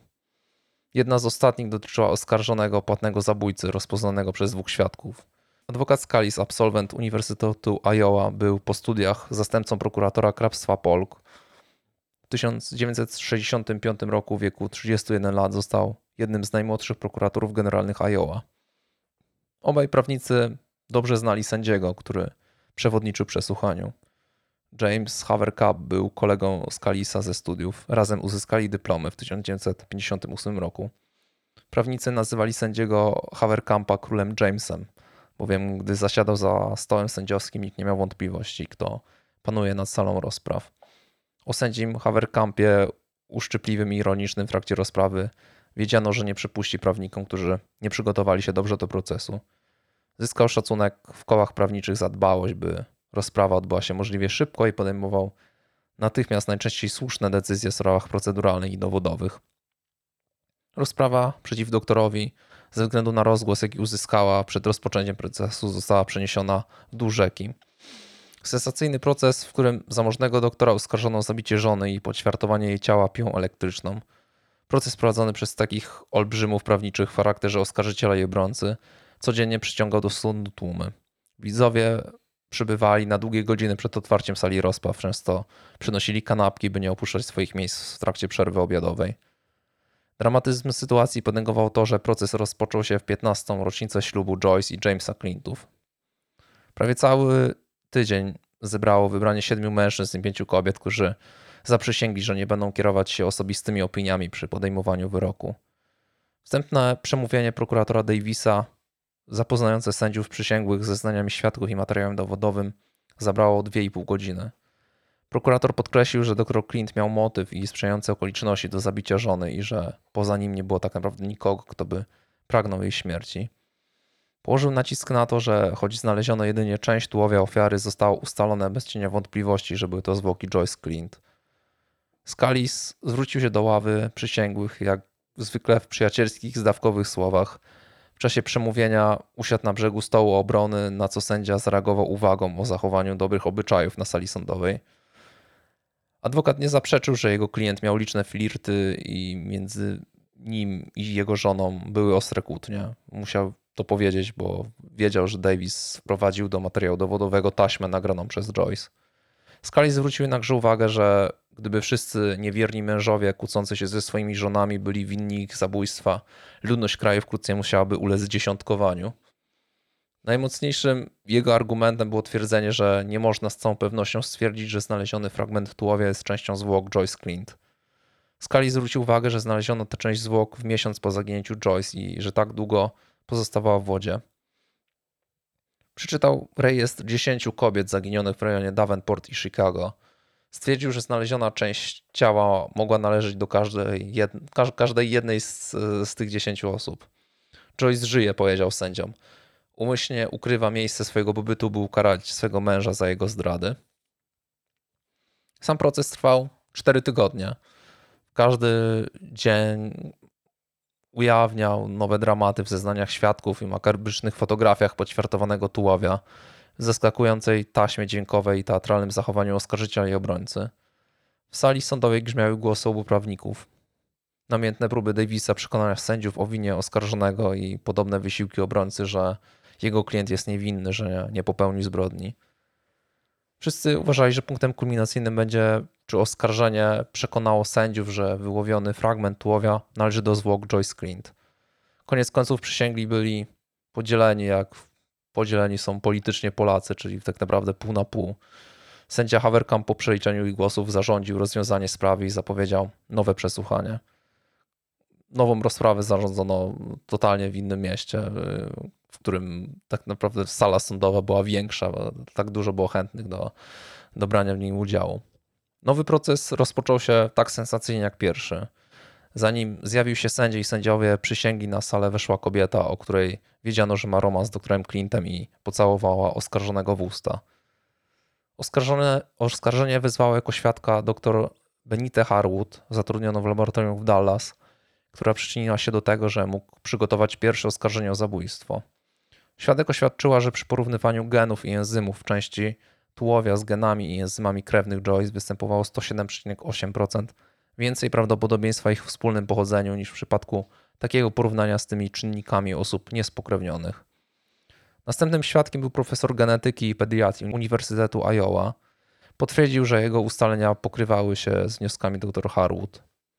Dr Mark Storlow, serolog sądowy, na podstawie swoich badań także potwierdził zeznania poprzednich świadków.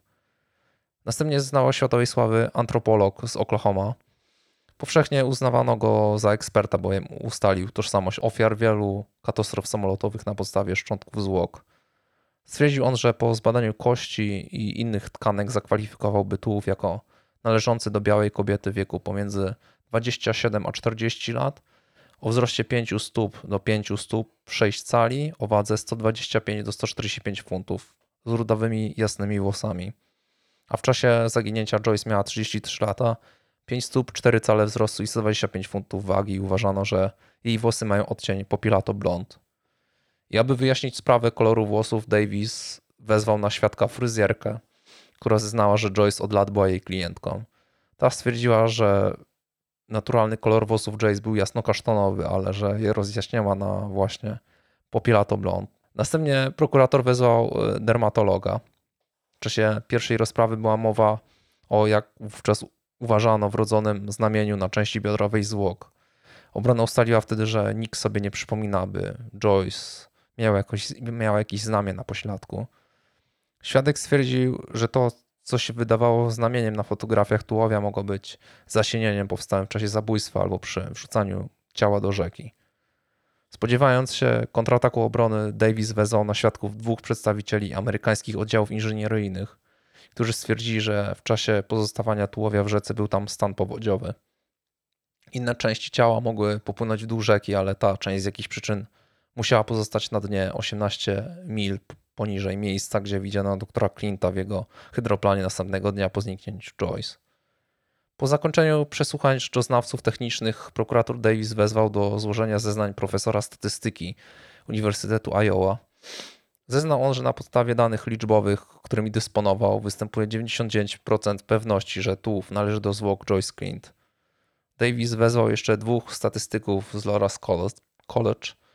Stwierdzili oni, że na podstawie tabel ryzyka wypłat ubezpieczeniowych, którymi dysponowali, było 98,82% prawdopodobieństwa, że wyłowiony z rzeki tułów jest częścią zwłok Joyce Clint.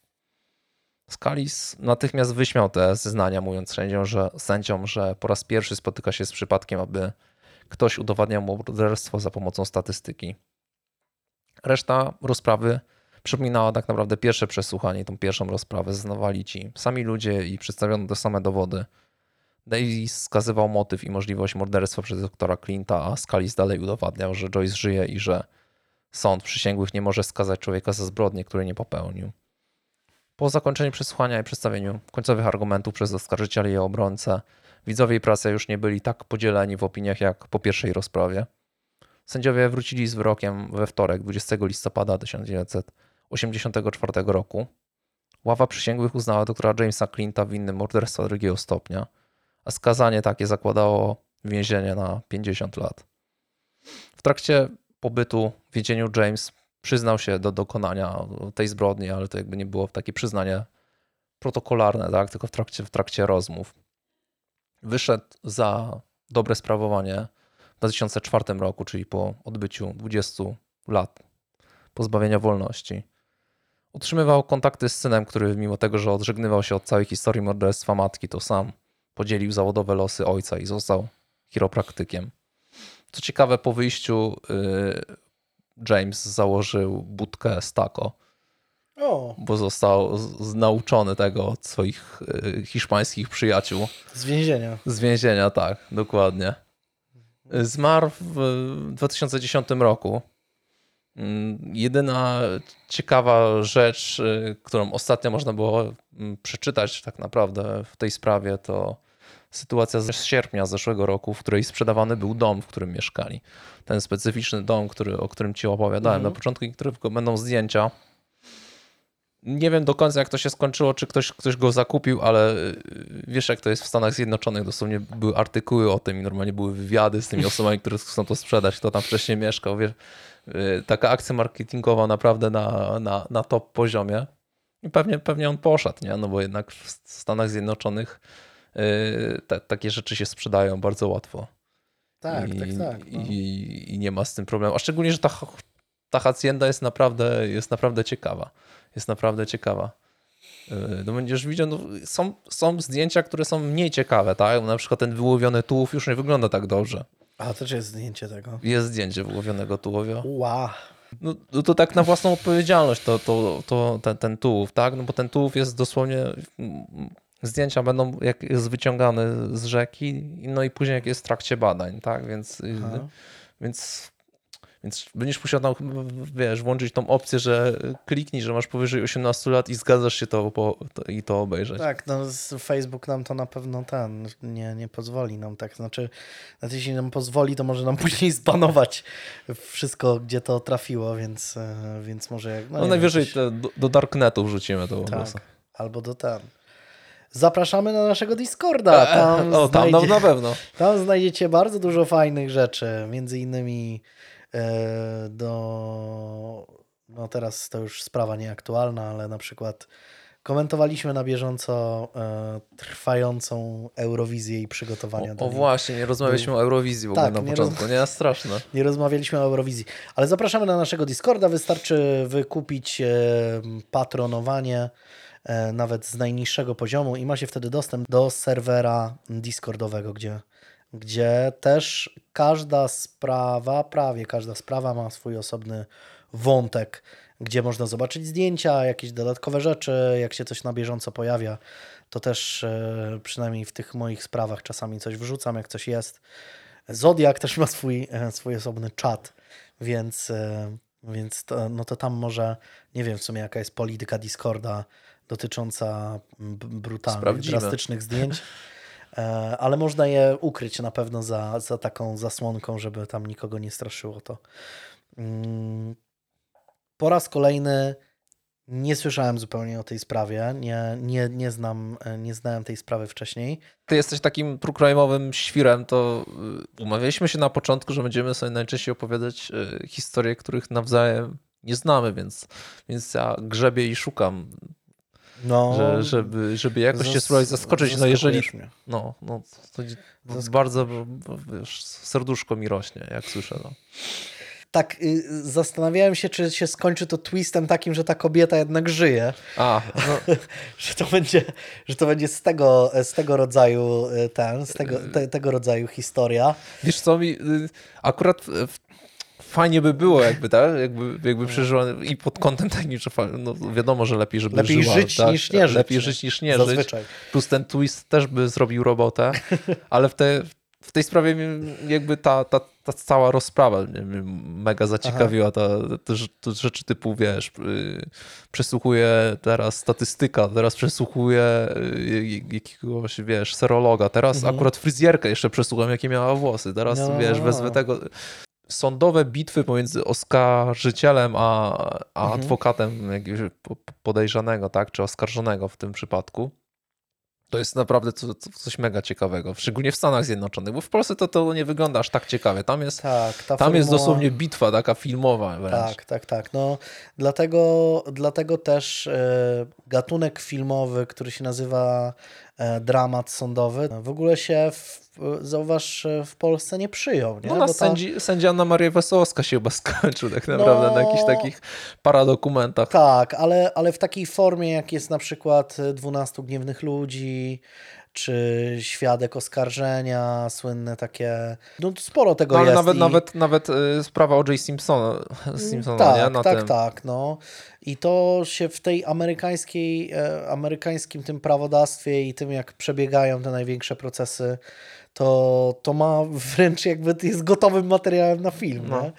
Bo, bo tak to wygląda. Szczególnie, że tam jest właśnie włączony ten, wiesz, to działanie na emocjach, ten te, bycie trochę takim aktorem, Tak, tak? tak, tak, Jakby no. wchodzenie w jakieś role. Tak. Już właśnie do, do tego wspomniałem tej, tej historii, no bo ten adwokat to właśnie miał takie, mm, takie podejście, wiesz, siadasz na tej ławie, gadasz do tych, do, e, do przysięgłych, tak, jakoś tam. To nie, jest, to nie jest takie sztywne, tak? Sama ta koncepcja, w której ta osoba, czyli tak, czy oskarżyciel, czy, czy adwokat, który jest na środku, Mhm. tak, nie jest jakby przytwierdzony do jakiegoś miejsca i, i, i tam mówi, nie? Mhm. Czasami jakby jest jakby dozwolone to, Tak. żeby gdzieś tam y, się, się y, wiesz, chodzić po, po, po, po, po sali. Jakby to jest takie mega teatralne Mhm. i jakby wprowadza to jakby dodatkowe takie kwestie, które tam jest wiele psychologicznych kwestii. Jeżeli ktoś jest zaciekawiony, no to na pewno znajdzie wiele kwestii. No Ja polecam akurat Deadwater, książkę o, o tej sprawie na przykład. Ale, ale jeżeli chodzi o, o, o samą rozprawę, no to są kwestie, których też nie poruszyłem. Na przykład sama kwestia wyboru y, sędziów przysięgłych. No, No bo to- to jest też wybierane jakby I tak. często Jakby później podważane, nie? Tak. Pierwszy skład sędziów przysięgłych y, był prawie pół na pół.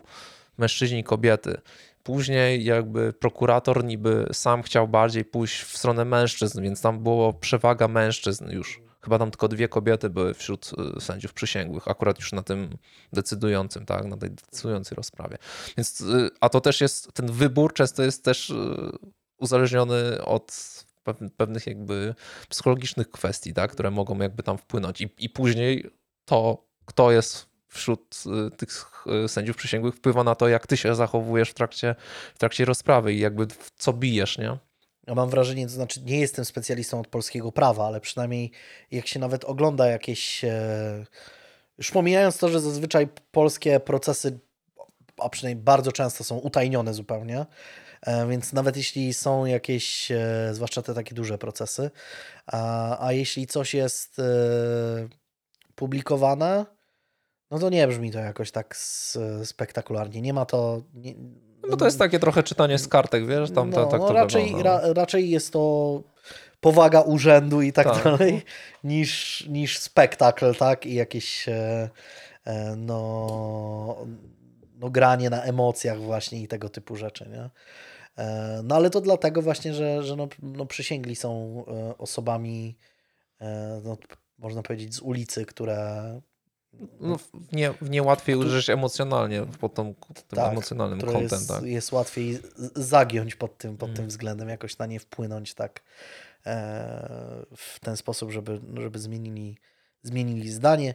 Jeśli kto, kogoś interesują dramaty sądowe, to polecam 12 Gniewnych Ludzi. To No jest nie, no to jest, to jest wybitne kino, to jest jeden z To najlepszych jest filmów w ogóle. ever. złoto, złoto naprawdę, jeśli chodzi o, o ten gatunek, e, gatunek e, filmowy. Świetny film, stary jak świat, ale... No starszy, starszy niż ta historia. Tak, stary, stary jak świat, ale się go ogląda fantastycznie. I się właśnie czujesz, trochę się czujesz jak taki członek y, mm, ławy przysięgłych, który, który na początku masz, przynajmniej, no ja to No tak... to, y, to, na początku, no dobra, mamy czyste kapcie, nie? Tak, tak, tak, no. Tylko jeden tam trochę. No, ten niech tylko ten, Ten. ten niech tylko w końcu przystanie na, na zdanie reszty i mamy z, z głowy, nie? A później się to wszystko zaczyna, zaczyna, zaczyna zmieniać. Naprawdę świetny film. e, Jak ktoś nie widział, to wiem, że dużo ludzi e, boi się, jakby obawia się filmów czarno-białych i im się to kojarzy z, z nudziarstwem ale ten film się po prostu ogląda na, na, na krańcu fotela od początku do końca. Przynajmniej, przynajmniej ja tak miałem i, i, i często słyszę, że, że bardzo pozytywnie ten film zaskakuje nawet, nawet takiego widza przyzwyczajonego do wartkiej akcji w, w, tym, w tym takim współczesnym kinie. Nie? Więc no naprawdę jest to genialny film, polecam. Polecam bardzo mocno i polecam jeszcze raz Prestige po raz 17 w tym, w tym nagraniu. To co? W takim razie y, myślę, że y, to wszystko na dziś. I co? Do Do następnego. Cześć.